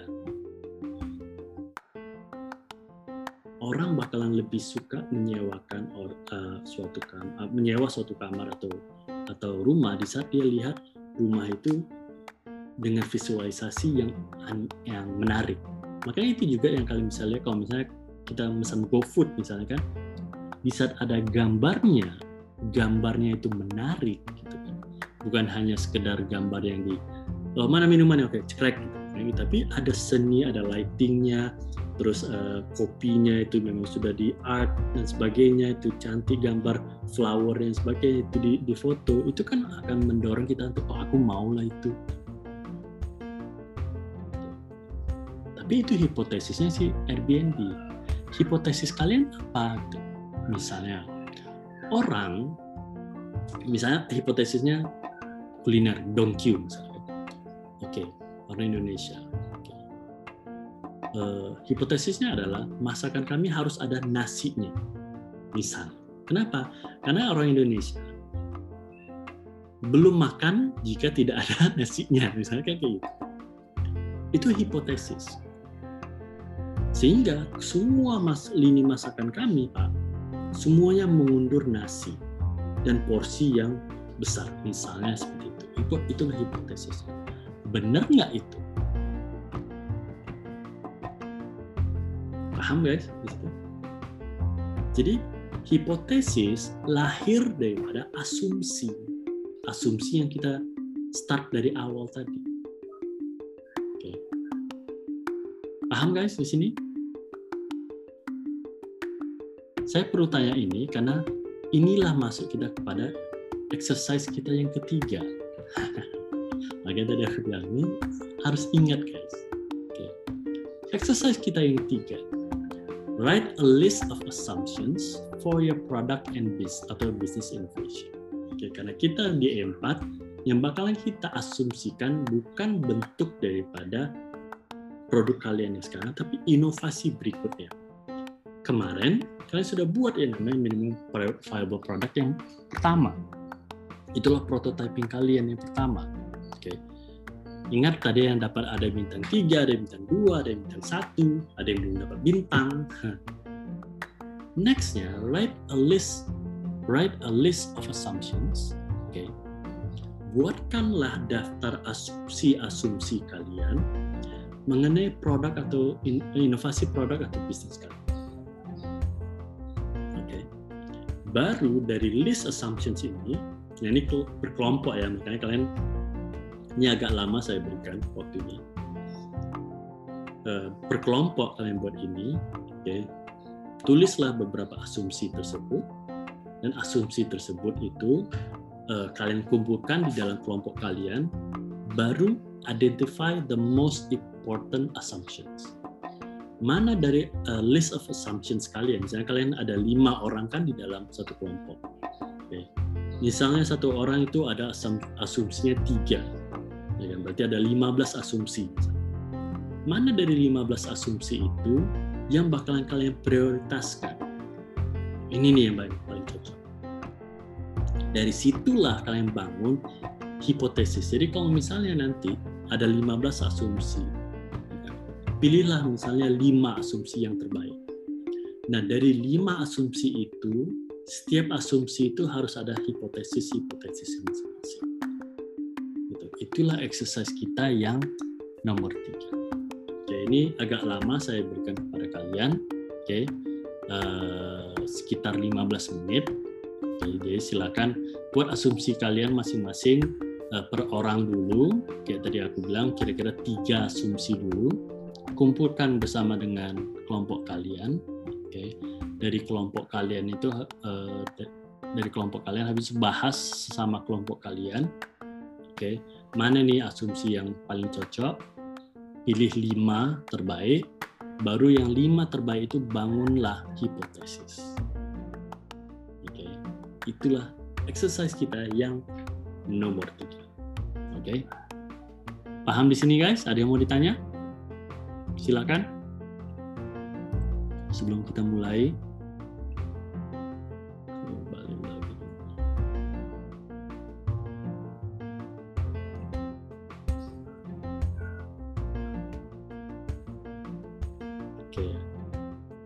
dengan keheningan kalian berarti aku yakin kalian sudah paham. Oke, kalau gitu silahkan dimulai guys. Yep, sudah saya post di Google Classroom. Oke, jadi silakan uh, asumsinya dibuat satu orang di dalam satu kelompok tiga. Oke, kumpulkan uh, sebanyak mungkin asumsi, baru pilih di dalam kelompok kalian lima asumsi yang paling kalian prioritaskan. Baru dari asumsi itu bangunlah setiap asumsi hipotesis-hipotesisnya. Berarti seharusnya bakalan lahir lima hipotesis dari setiap kelompok. Oke, okay?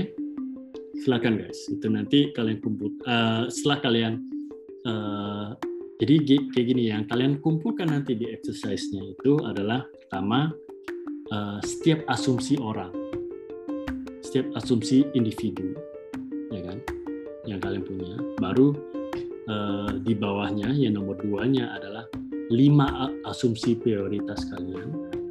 Baru yang nomor tiga adalah lima hipotesis dari asumsi yang kalian bangun. Silakan guys. Waktunya 15 menit dari sekarang. Jadi kita balik yang 10.20. Sekarang 10.05 kita balik di 10.20. Oke, silakan guys.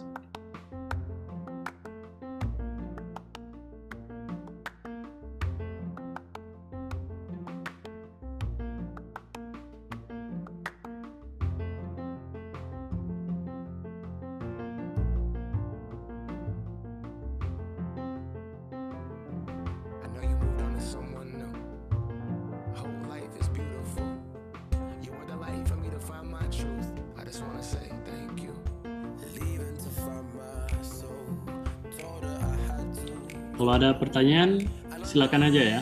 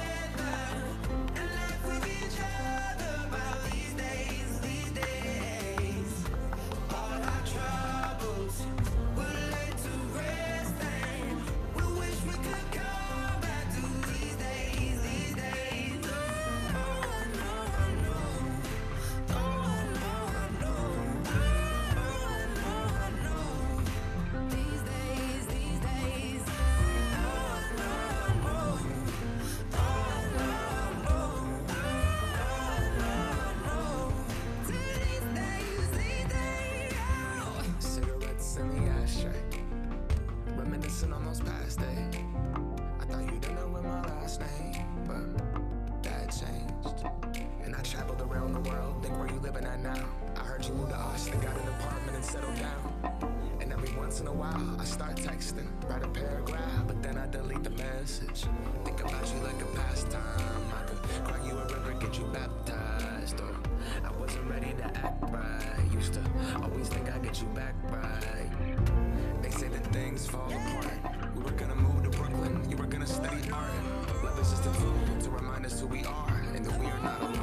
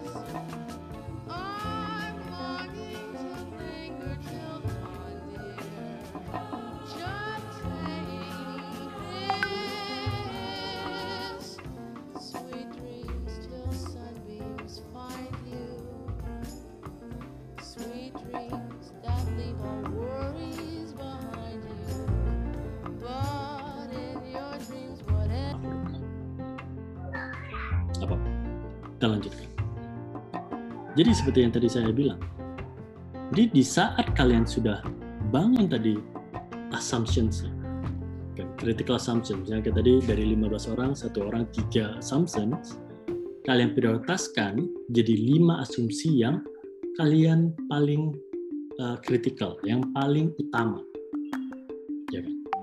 dari lima asumsi itu kita bentuk lima hipotesa lahir dari setiap asumsi-asumsi yang kalian bangun tadi.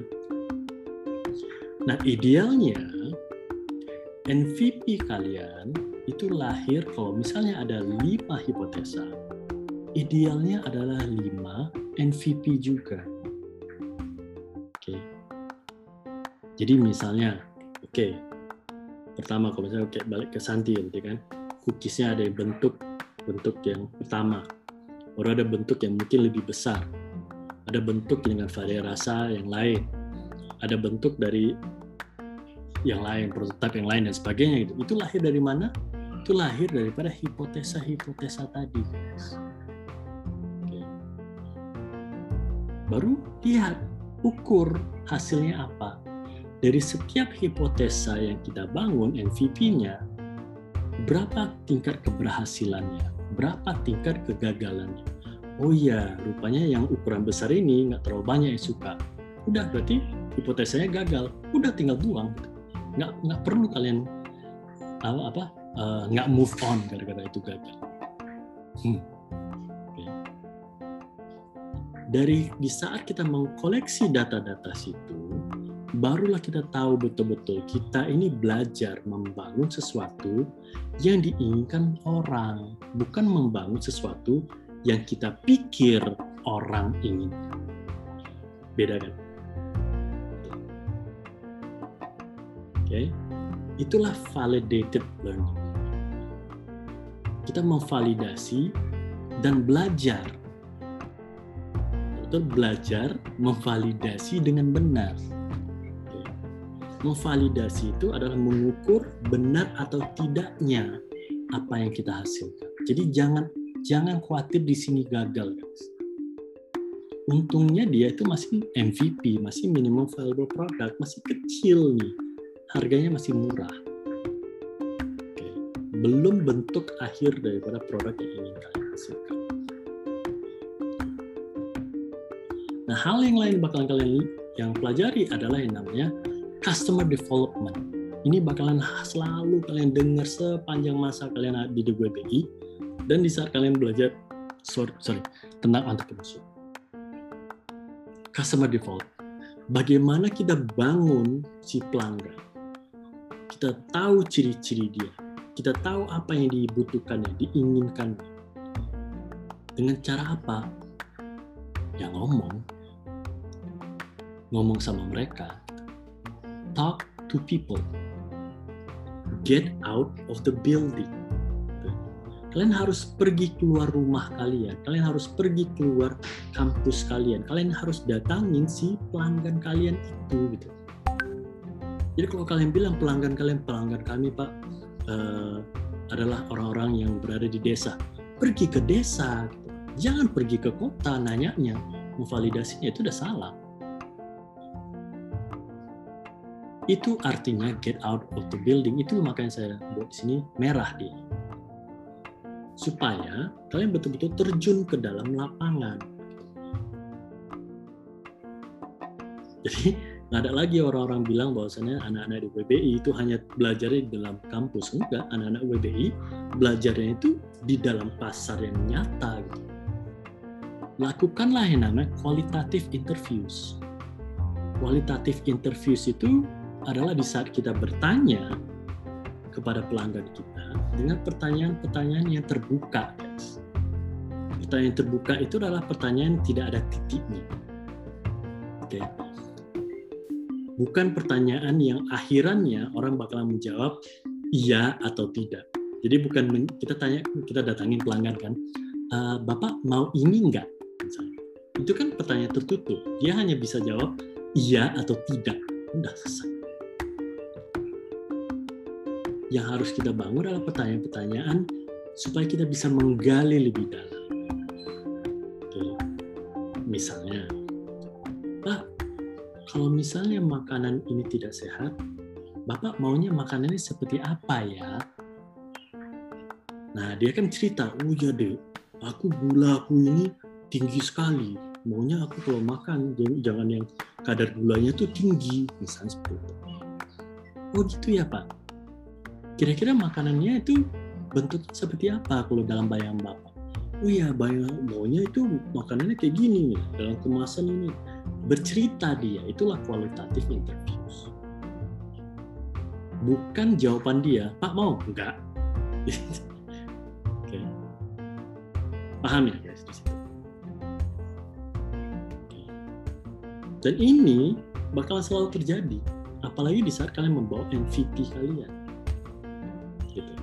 Makanya di saat kalian bawa MVP gitu kan, saya kayak minggu lalu ya kan, harapan saya adalah di saat misalnya kayak kelompok Santi kemarin datang sama Cindy dan sebagainya. Kalian datang membawa MVP kalian pada waktu itu, jangan hanya tanya enak pak. Karena kan kami tinggal jawab iya atau enggak. Seharusnya kan kalian tanya, Pak, menurut Bapak rasanya itu gimana? Oh ya, menurut aku, aku kan bakalan jawab balik. Ini gini, gini, gini, gini, gini. Itulah menggali kebutuhan, keinginan si pelanggan. Sehingga pada akhirnya, oke, tadi Bapak itu bilang ini. Oke, berarti catat. Nanti guys, resep ke keduanya kita bakal coba buatnya kayak gini. Jadi kalian buat perubahan inovasi berikutnya bukan berdasarkan dugaan, tapi berdasarkan apa yang dibilang si pelanggan tadi.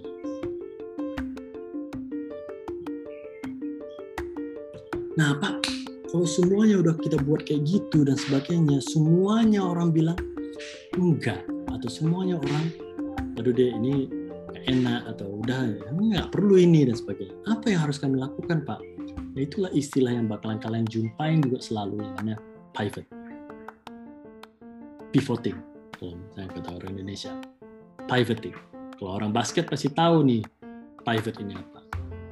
Merubah arah. Change in direction without a change in vision. Itu pertama. Oke, jadi pivot itu bisa terjadi di saat oke. Okay, aku nggak mau rubah visi aku visi aku tetap menjalani di dalam kuliner. Oke. Tapi rupanya setelah aku pikir, setelah kita validasi, kita sudah asumsi, kita tes hipotesa kita, rupanya orang nggak nggak butuhkan rupanya cemilan. Rupanya yang justru mereka butuhkan adalah makanan berat. Itu pivoting dari cemilan jadi makanan berat tapi visinya tetap dalam kuliner makanan sehat tetap sama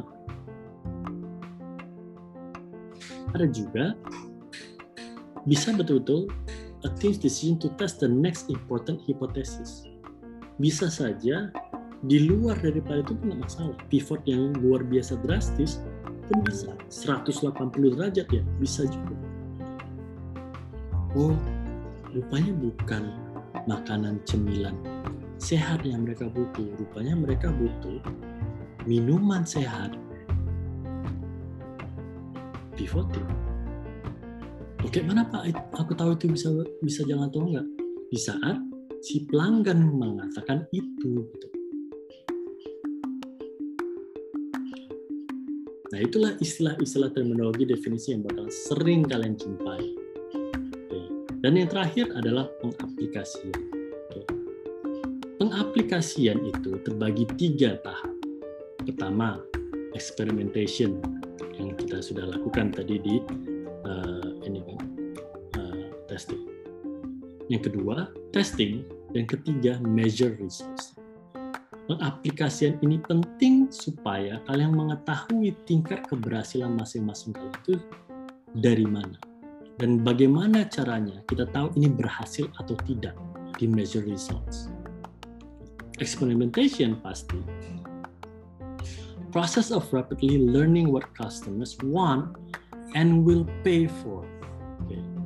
Jadi seharusnya eksperimen-eksperimen kalian, MVP-MVP yang kalian tawarkan kepada semua orang, mau itu produk atau jasa, mau itu barang atau jasa, sorry, mau itu barang atau jasa, benar nggak itu diinginkan atau dibutuhkan oleh si pelanggan? Dan yang kedua, mereka mau nggak bayar hal itu? Terkadang ya kan, yang kalian luput adalah di saat kalian tidak bertanya kepada mereka, mereka mau bayar atau tidak. Misalnya kayak kemarin orang balik kayak orang cantik karena orang cantik kemarin kan datang langsung ke kami. Kalian lupa, Bapak, kenapa nggak kalian tawarkan kepada kami, Pak? Kami masih ada banyak nih. Bapak mau nggak bayar sekian? untuk sisa ini. Hanya untuk mengetes bahwasanya mereka mau bayar atau tidak. Jangankan harganya berapa dulu harga standar. Enggak, ini hanya mengetes pelanggan kita ini setelah mereka bilang, uh ini enak misalnya kan. Tes lagi mereka, benar nggak nih mereka bilang enaknya. Pak, ini masih Eh, ada ada Pak. eh apa? Ada. Eh, Ada. ada Pak. Kemarin kami ada seperti itu sama Pak Binsar Pak. Oh ya, nah itu jawabannya apa? Eh, Bapak itu mau bahkan kami juga ada nawarin sistem pelanggan Pak, langganan gitu Ya, Pak. good. Itulah caranya kita melakukan experimentation yang tepat. Oh Pak, sama Pak Binsar ada ya? Oh, sama kami kok nggak ada? Iya ada Pak. Karena kemarin Pak Binsar ada keluar kan Pak eh, ngobrol lagi nanya ada yang dijual gak gitu Pak. Iya, iya. Itu guys. Jadi next stepnya di saat kalian eh, ini pada teman-teman yang lain juga ya guys. Jangan hanya ngetes produk kalian tuh di saat kasih tes pada yang kuliner ini enak atau enggak. Tanya kepada mereka apa mau nggak bayar. Dan itu sesuatu yang yang wajar sekali kalian tanya. Jadi jangan khawatir tiba-tiba ada orang yang ngelabrak, oh kalian dulu minta bayar pula. Jadi, enggak, biarin aja. Di saat misalnya mereka bilang kayak gitu, oh, oke, bapak dengan ciri-ciri seperti ini rupanya nggak suka. Dia nggak mau bayar, dia mau hanya gratisan. Berarti jangan incar lagi bapak-bapak seperti ini. Jadi, test assumption so that you don't waste time. Kenapa kita bangun asum, asumsi asumsi itu supaya di saat kita bereksperimen kita tahu mana yang jalan sama mana yang tidak, mana yang menghasilkan, mana yang tidak, mana yang bisa profit bagi kita, mana yang tidak. Itulah gunanya eksperimentasi, validasi. Oke. Itulah penting kenapa kita harus bangun asumsi itu. Baru masukkannya ke dalam suatu hipotesis lalu rancang MVP makanya testing proses kali itu bakalan terjadi dari saat kita sudah mengidentifikasi asumsi ya kan? Itu tadi kan semua orang ya kan berasumsi ada tiga misalnya. Prioritaskan asumsinya itu pilih lima baru mana eh, asumsi yang betul-betul resiko yang paling tinggi mana kira-kira asumsi yang bisa kalian tes secara cepat. Oke, mana asumsi yang bakalan hipotesa ini akan mendukung pada asumsi ini. Oke. Coba eksperimenkan. Jadi ada asumsi yang membangun soal harga, misalnya soal rasa, soal apa pun itu.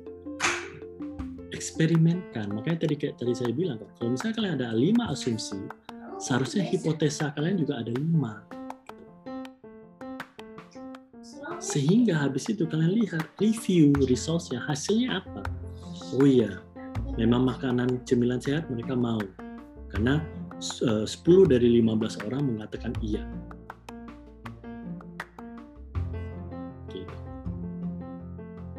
Wah selesai dong pak enggak guys.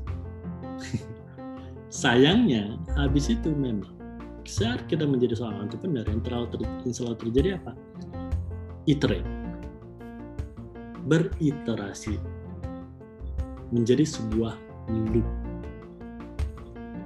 Ideas kita bangun, ya kan kita buat, kita ukur menjadi suatu data, kita pelajari dari hasil yang kita pelajari tadi, dari hasil hipotesa hipotesa tadi mau itu benar atau salah, kan kita belajar kan? Dari hasil belajar itulah kita buat ide yang baru. Di situlah lahir kreativitas berinovasi. Sehingga kalian betul-betul harus meng-create sebuah culture of testing. Kebiasaan nih testing ini. Kebiasaan di saat kalian mendapatkan suatu rintangan, halangan, tantangan, bangun asumsi, bangun hipotesanya, tes ke pasar, pelajari apa yang di, di, diinginkan dan tidak diinginkan oleh pasar. Buat hasil solusi dari situ. Makanya di saat itulah kita pentingnya measuring results, mengukur hasil itu.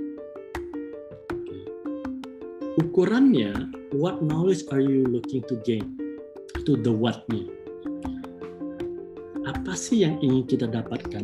Jadi itu harus kita ukur dulu.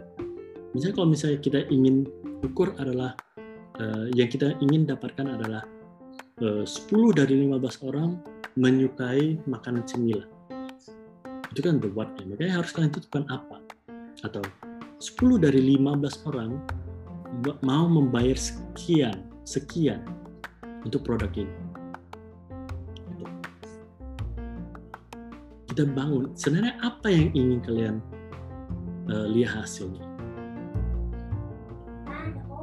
Lalu, what are you going to do with the knowledge when you get it? Hasil lanjutannya apa? Setelah kalian dapatkan apa yang kalian inginkan tadi, misalnya oke, ya Pak, dapat nih 10 dari 15 orang mau membayar cookies kami. Next-nya apa? Oke, berarti Pak, next-nya adalah hipotesa aku berikutnya adalah cookies ini dalam kemasan.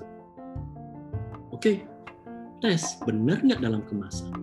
Kemasannya bagaimana? Kotak kah? Plastik kah? Gitu kan?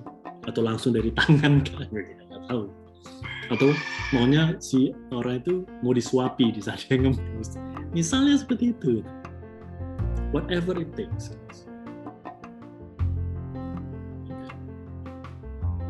Dan tentunya kadang-kadang terjadilah ini. What if every hypothesis is invalidated? Di saat kita bangun semua hipotesa, di saat kita sudah bangunin semua, kita tes dan sebagainya, semua bilang tidak, apa yang harus kita lakukan? Apa guys? Apa tadi yang aku bilang? Eh, baru, yes, betul.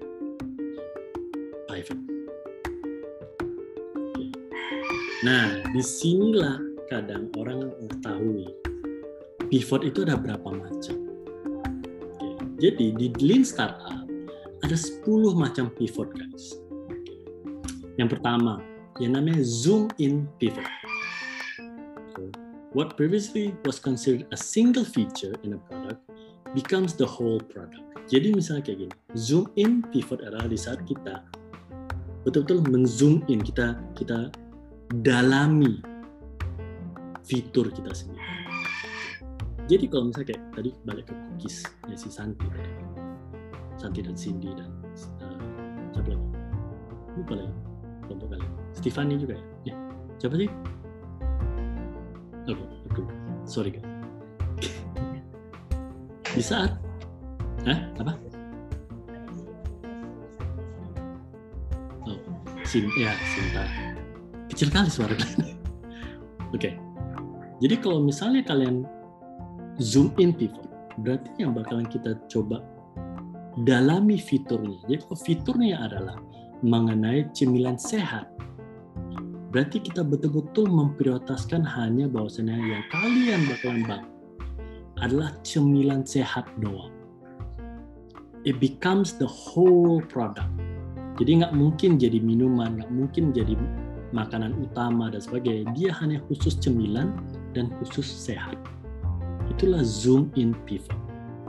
Kita mendalami fitur utamanya. Yang kedua adalah zoom out pivot. Di saat rupanya fitur yang pertama kita anggap bahwasannya hanya cemilan sehat, rupanya bukan itu yang utama. Rupanya mereka nggak peduli soal sehat, yang penting mereka ngemil. Sehingga mungkin variasi pivot kita itu bukan berkonsentrasi kepada yang namanya sehatnya, tapi cemilannya. Sehingga mungkin variasi cemilan kalian ada yang labu kayak biasa, ada yang biasa pakai uh, bahan-bahan yang biasa pada umumnya dan sebagainya, ada yang lain-lain dan sebagainya. Jadi bukan single feature, tapi kepada varian yang lebih besar. Itu zoom out pivot. Oke. Baru ada customer segment pivot. gitu kan. Nah, ini juga. The company realized that the product it is building solves a real problem for real customers. But what they are not the type of customers originally planned to serve. Jadi, kita tahu produk yang kita hasilkan ini betul-betul menjadi solusi terhadap kepada si customer yang nyata. Masalahnya rupanya bukan customer yang ini gitu yang kalian tujukan. Misalnya gini kan. kembali ke ke orang eh, itu tadi cookies. Kalian sasar rupanya komunitas anak-anak eh, remaja, remaja yang yang suka ngemil. Benar, solusi ngemil yang sehat itu rupanya menjadi suatu kriteria utama. Tapi rupanya bukan untuk remaja. Orang remaja mungkin nggak terlalu peduli sama kesehatan misalnya, masih kuat-kuat. Rupanya yang customer segment sebetulnya adalah 40 tahun ke atas. Nah, di saat itulah kita geser dari umur misalnya 15 ke 25 kita geser 40 ke 55 misalnya seperti itulah customer segment pivot solusi bahwasanya cemilan sehat itu nyata tapi customer segmentnya yang berbeda. Itulah customer segment pivot baru customer seg ah, sorry customer need pivot the product hypothesis is partially confirmed. Oke, okay. benar. Mereka mau ngemil. Okay. The target customer has a problem with word solving. Oke, okay. tapi masalah si customernya ini belum selesai nih. Yang dibutuhkan dia itu bukan cemilan sehat, misalnya, tapi rupanya cemilan yang mengenyangkan, misalnya gitu. Makanya bisa terjadi, oh berarti ukuran nih mungkin yang bisa menjadi solusinya. Hipotesis lagi kan?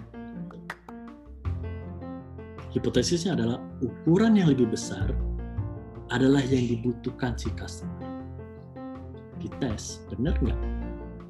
Itulah customer needs-nya. Needs-nya itu baru sebagian kita jumpai benar. Ya, dia mau ngemil. Tapi dia bukan mau ngemil makanan sehat dia mau ngemil makanan yang mengenyangkan. Jadi bisa ukuran lebih besar atau bahan baku yang lain yang lebih mengenyangkan, apa pun itu. Itu yang baru kita coba hipotesiskan. Atau nomor lima, platform pivot. A platform pivot refers to a change from an application to a platform atau sebaliknya. Jadi misalnya, oh rupanya mereka maunya itu bukan toko fisik offline.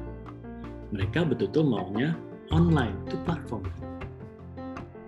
Aduh ribet lah atau covid-covid sekarang ke toko masih apa mengkhawatirkan. Oke, kalau gitu kami berikan opsi online-nya. Men-switch platform. Atau justru kebalikannya, ah aku ribet nih toko-toko online aku maunya toko fisik yang bisa aku datangi. Itu yang dibuat. Jadi pivot bisa terjadi gara-gara platformnya. Baru nomor 6 business architecture pivot. Oke. jadi di sini adalah bagaimana kita meng-switch dari mana apa yang kita kita kita lihat dari company kita. Misalnya kayak gini yang pertamanya adalah kita ingin mendapatkan profit setinggi-tingginya. Ya kan? Dengan pricing kita, dengan uh, jarak harga yang margin yang luar biasa besar. Supaya kita bisa mendapatkan profit setinggi-tingginya. Tapi di saat kita jalani, kok harga ini nggak cocok. Di situlah kita harus berubah. Oke, berarti kita nggak bisa membuat itu untuk mass market tapi mungkin untuk market yang lebih kecil. Atau kebalikannya nggak bisa kita untuk market yang kecil. Harus untuk market yang lebih besar. Ya kalau misalnya kayak kayak, kayak cookies lagi tadi kan. Oke nggak bisa pak. Kalau misalnya kami hanya segini saja marketnya pasar kami hanya Medan saja kami nggak dapat uh, margin yang seharusnya kami inginkan. Nggak bisa berjalan operasi bisnis kami. Yang ada kami hanya rugi saja, apa? Kami hanya proyek thank you aja, atau bahkan rugi jadi. Oke, berarti expand dong marketnya. Jangan Medan aja, mungkin Deli Serdang, mungkin seluruh Sumatera Utara. Itu business architecture pivot. Jadi bukan kita fokus kepada satu segmen tertentu, tapi mungkin kita lihat, oke, kayak gini yang harus kita rubah. Nomor tujuh, value capture product. Oke. Jadi kadang-kadang value ini bakalan penting ya, dan bisa saja berubah. Apa yang dianggap penting bagi si customer, si konsumen, itu yang harus selalu kita waspadai, atau kita harus selalu lihat. Gitu. Karena ya apalagi zaman sekarang, sudahlah loyalitas terhadap suatu brand itu berkurang, ya kan? Mereka sebenarnya menginginkan apa itu juga selalu berubah. Gitu. Si JJ mungkin saat ini pengen kopi, besoknya pengen teh, pengen donat hari ini, tapi besoknya mungkin pengen makan sehat itu bisa terjadi. Itulah value capture pivot itu bakal penting rupanya cookies yang kita sediakan karena orang oke nggak mau value kesehatan apa nggak ah, nggak perlu nggak nggak perlu soal kesehatan yang penting aku ngemil. Oke pivot di situ. Baru 8 engine of growth pivot. Saat kita harus tahu yang sebenarnya bisa membuat kita tumbuh growth sustainable itu yang mana? Oke, sudah tervalidasi Pak memang. Cookies cemilan yang sehat itu validasi benar mereka. Tapi kalau misalnya dengan kita jalankan itu rupanya nggak bisa growth kita gitu-gitu aja datar aja. Nah di situ kita perlu merubah engine of growth. Apakah menambah pasar, apakah menambah produksi dan sebagainya. Itu yang harus dipikirkan. Atau nomor 9, channel pivot. Cara kita mendistribusikan produk-produk kita itu rupanya bukan di channel yang ini, yang A. Harus channel yang B. Bukan secara online, tapi secara offline. Bukan melalui media sosial, tapi dari media majalah. Misalnya seperti itu. Harus kalian tahu yang mana yang paling cocok. Dan nomor 10, yang bakalan nggak bisa kita lewati adalah teknologi pivot. Oke. Teknologi sudah menjadi bagian daripada kehidupan kita di masa sekarang. Sehingga kita harus tahu teknologi apa saja sih yang sebenarnya bisa kita gunakan. Bukan hanya sekedar channelsnya apa, menggunakan sosial media atau tidak sebagainya, tapi juga teknologi membuat produk tersebut teknologi mendeliver produk tersebut apakah melalui website, aplikasi, atau di saat kita membuat cookiesnya. Ovennya apakah yang yang tradisional atau sekarang yang luar biasa canggih. Sekali klik kit udah, udah masak deh. Atau gunakan robot atau gunakan handmade misalnya gitu. Terstandarisasi atau tidak. Itu kan lahir daripada teknologi-teknologi Nah, yang terakhir guys, nah ini yang penting sekali kalian harus tahu. Ini saya rasa ini selalu diulang-ulang. A path to success ini selalu dipikirkan sama orang. Ini jalan lurus. Enggak guys. The path to success itu reward. Reward atau reward sih? Antara itu. Jadi jangan anggap bahwasannya di saat kalian menjalankan entrepreneurship atau ingin menjadi seorang entrepreneur itu akan langsung berhasil. Enggak. Dan biasa untuk gagal. Tapi gagalnya cepat. Jangan gara-gara satu kegagalan nggak move on. Ya kan? Itu yang sering yang sering terjadi gitu kan. Putus dari pacar gitu kan. Nggak move on. Gitu. Sedih, larut yang dari dari 60 kilo turun jadi 45 kilo jadi kurus. Jangan kayak gitu. Move on. Karena life nggak berhenti ya kan? Hidup kan nggak berhenti di situ. Yang penting kalian tahu oke okay, ini aku buat salah ya. Pelajari evaluasi. Jangan ulangi kesalahan itu.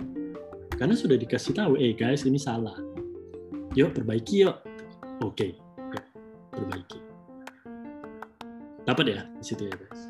Oke. Jadi banyak yang anggap kayak gini.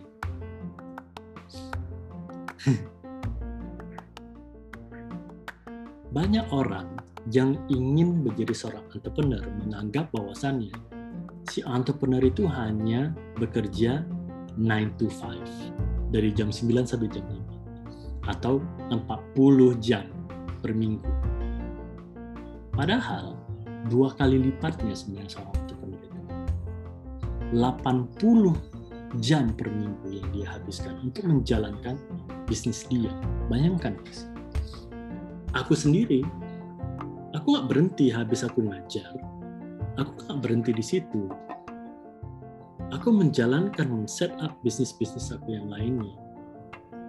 Karena dia nggak bisa bekerja dengan sendirinya, harus ada selalu kita di situ. Untuk menjadi seorang entrepreneur itu kayak gitu guys. Nggak bisa hanya sekedar hari Rabu aja kalian kerjakan seharusnya jika kalian memang passionate about this kalian percaya ini bakal bisa jadi solusi ini bisa dijalankan. Ayo guys jalankan. Pak capek kali pak. Belum lagi tugas-tugas yang lainnya. Memang gitu. aku juga bisa merasakan hal yang sama. Kenapa? Karena aku ya sama kayak kalian. Aku juga sekarang jadi mahasiswa juga kan. Paham kok apa yang kalian jalankan. Banyak tugas-tugas yang lain dan sebagainya. Tapi jika kalian memang punya mimpi hasil kerja keras itu bakalan worth it kok itu sih oke sebelum kita akhiri pas ya kan dari jam 8 hampir jam 12 ada ada yang mau ditanya silakan guys mengenai materi hari ini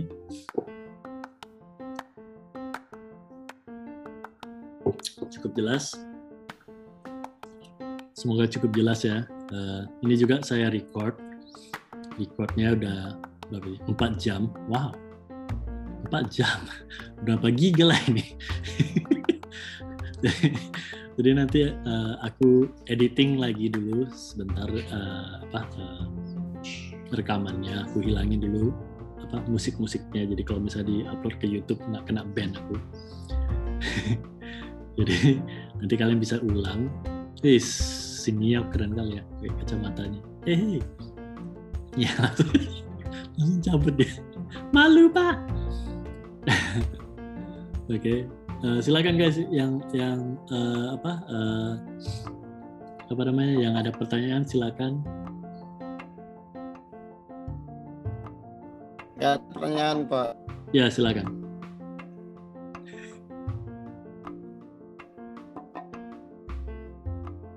Nggak ada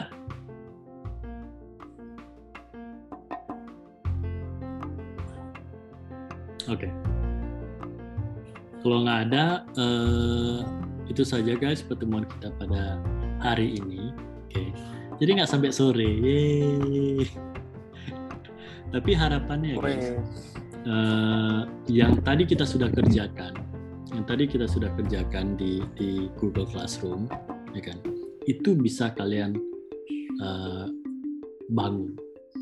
Oke, udah itu bisa kalian lanjutkan.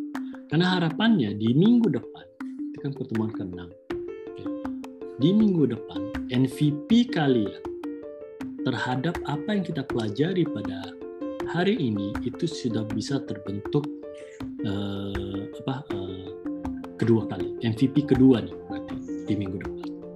Oke. Ingat tadi asumsi ya kan ada pre- eh, asumsi yang kritikal harusnya ada lima kan Berarti dengan kata lain, hipotesa kalian seharusnya ada lima. Dengan hipotesa kalian ada lima, berarti bakalan harus ada lima MVP. Ya kan? Nah, lima MVP itu, itu silahkan di minggu depan kita kumpulkan kembali untuk melihat progresnya kalian. Oke. Pak, apakah MVP-nya bisa langsung saya terapkan? Bisa. Jadi misalnya kayak gini, di minggu depan adalah hasil dari MVP-nya itu jauh lebih bagus. Pak, kami sudah jalankan Pak MVP ini, ini, ini, ini. Ya kan? MVP ini sudah berhasil kami validasikan, Pak. Benar atau tidaknya. Oke, bagus. Langkah berikutnya lah berarti yang akan kalian utarakan. Next kalian apa? Jadi sebenarnya nggak ada berhenti nih. Jadi kalau sekarang, kalau saya lihat kan ada beberapa yang sudah menyusun hipotesanya. Oke. Buktikanlah hipotesa itu benar atau tidak. Ya. Jadi nanti bakalan saya lihat, lihat dari dari yang kalian buat. Hipotesa 1, 2, 3, sampai 5. Gitu kan. Hasilnya mana? Oh ya Pak, yang hipotesa 1 benar. Hipotesa 2 benar. Hipotesa 3 benar. Hipotesa 4 enggak Pak. Hipotesa 5 benar. Oke, yang 4 ini mau diapain? Masa kami pakai? Oke. Next-nya apa habis itu? Kan gitu. Nggak bisa kita berhenti. Ingat guys, MVP itu nggak hanya sekali. Oke, sudah dapat kalian hasilnya. Itu hasil yang ini, yang empat tadi, MVP tadi yang ternyata udah benar gitu kan. Apa yang bisa kalian gunakan? Apa yang akan kalian buat setelahnya? Oh iya Pak, ini sudah tervalidasi, produknya udah diminati, harganya sudah dapat kan? Oke. Nextnya apa? Kemasan. Oke. Buktikan. Berarti itulah validasi berikutnya. MVP berikutnya, hipotesa berikutnya. Bentuk kemasan yang bagaimana? Karena packaging bakalan menarik loh, bakalan bakalan menjadi sesuatu yang menarik orang. Oke, tapi itu untuk next. Jadi ingat, project minggu kalian minggu ini kalian adalah membuktikan hasil daripada hipotesa yang kalian bangun yang lima. Bangunlah lima MVP-nya. Oke, dan dan buktikan uh, hasil daripada MVP tersebut benar atau tidak. Oke, dapat guys? Oke, mantap. Yes, thank you guys. Uh, jadi itu guys uh, pertemuan kita pada uh, pagi menjelang siang hari ini. Oke, okay, uh, tunggu tunggu. Supaya senang dulu si JJ. Jadi uh, sebelum kita akhiri, terima kasih uh, kepada semuanya yang sudah uh, aktif tadi ya. Saya senang tadi uh, lumayan aktif tadi di kegiatan-kegiatan kita uh, di exercises juga. Semoga ini berguna bagi kalian. Oke, okay. uh, saya yakin kalau kalian jalankan ini dengan benar, udah pasti kalian dapatkan sesuatu yang pas nantinya. Oke, okay, untuk untuk uh, bisnis kalian. So, kalau misalnya tidak ada lagi pertanyaan, semoga itu cukup jelas ya. Itu saja pertemuan kita pada pertemuan meeting 5 ini. Terima kasih. Selamat siang. Assalamualaikum warahmatullahi wabarakatuh. Siang, Pak. Siang.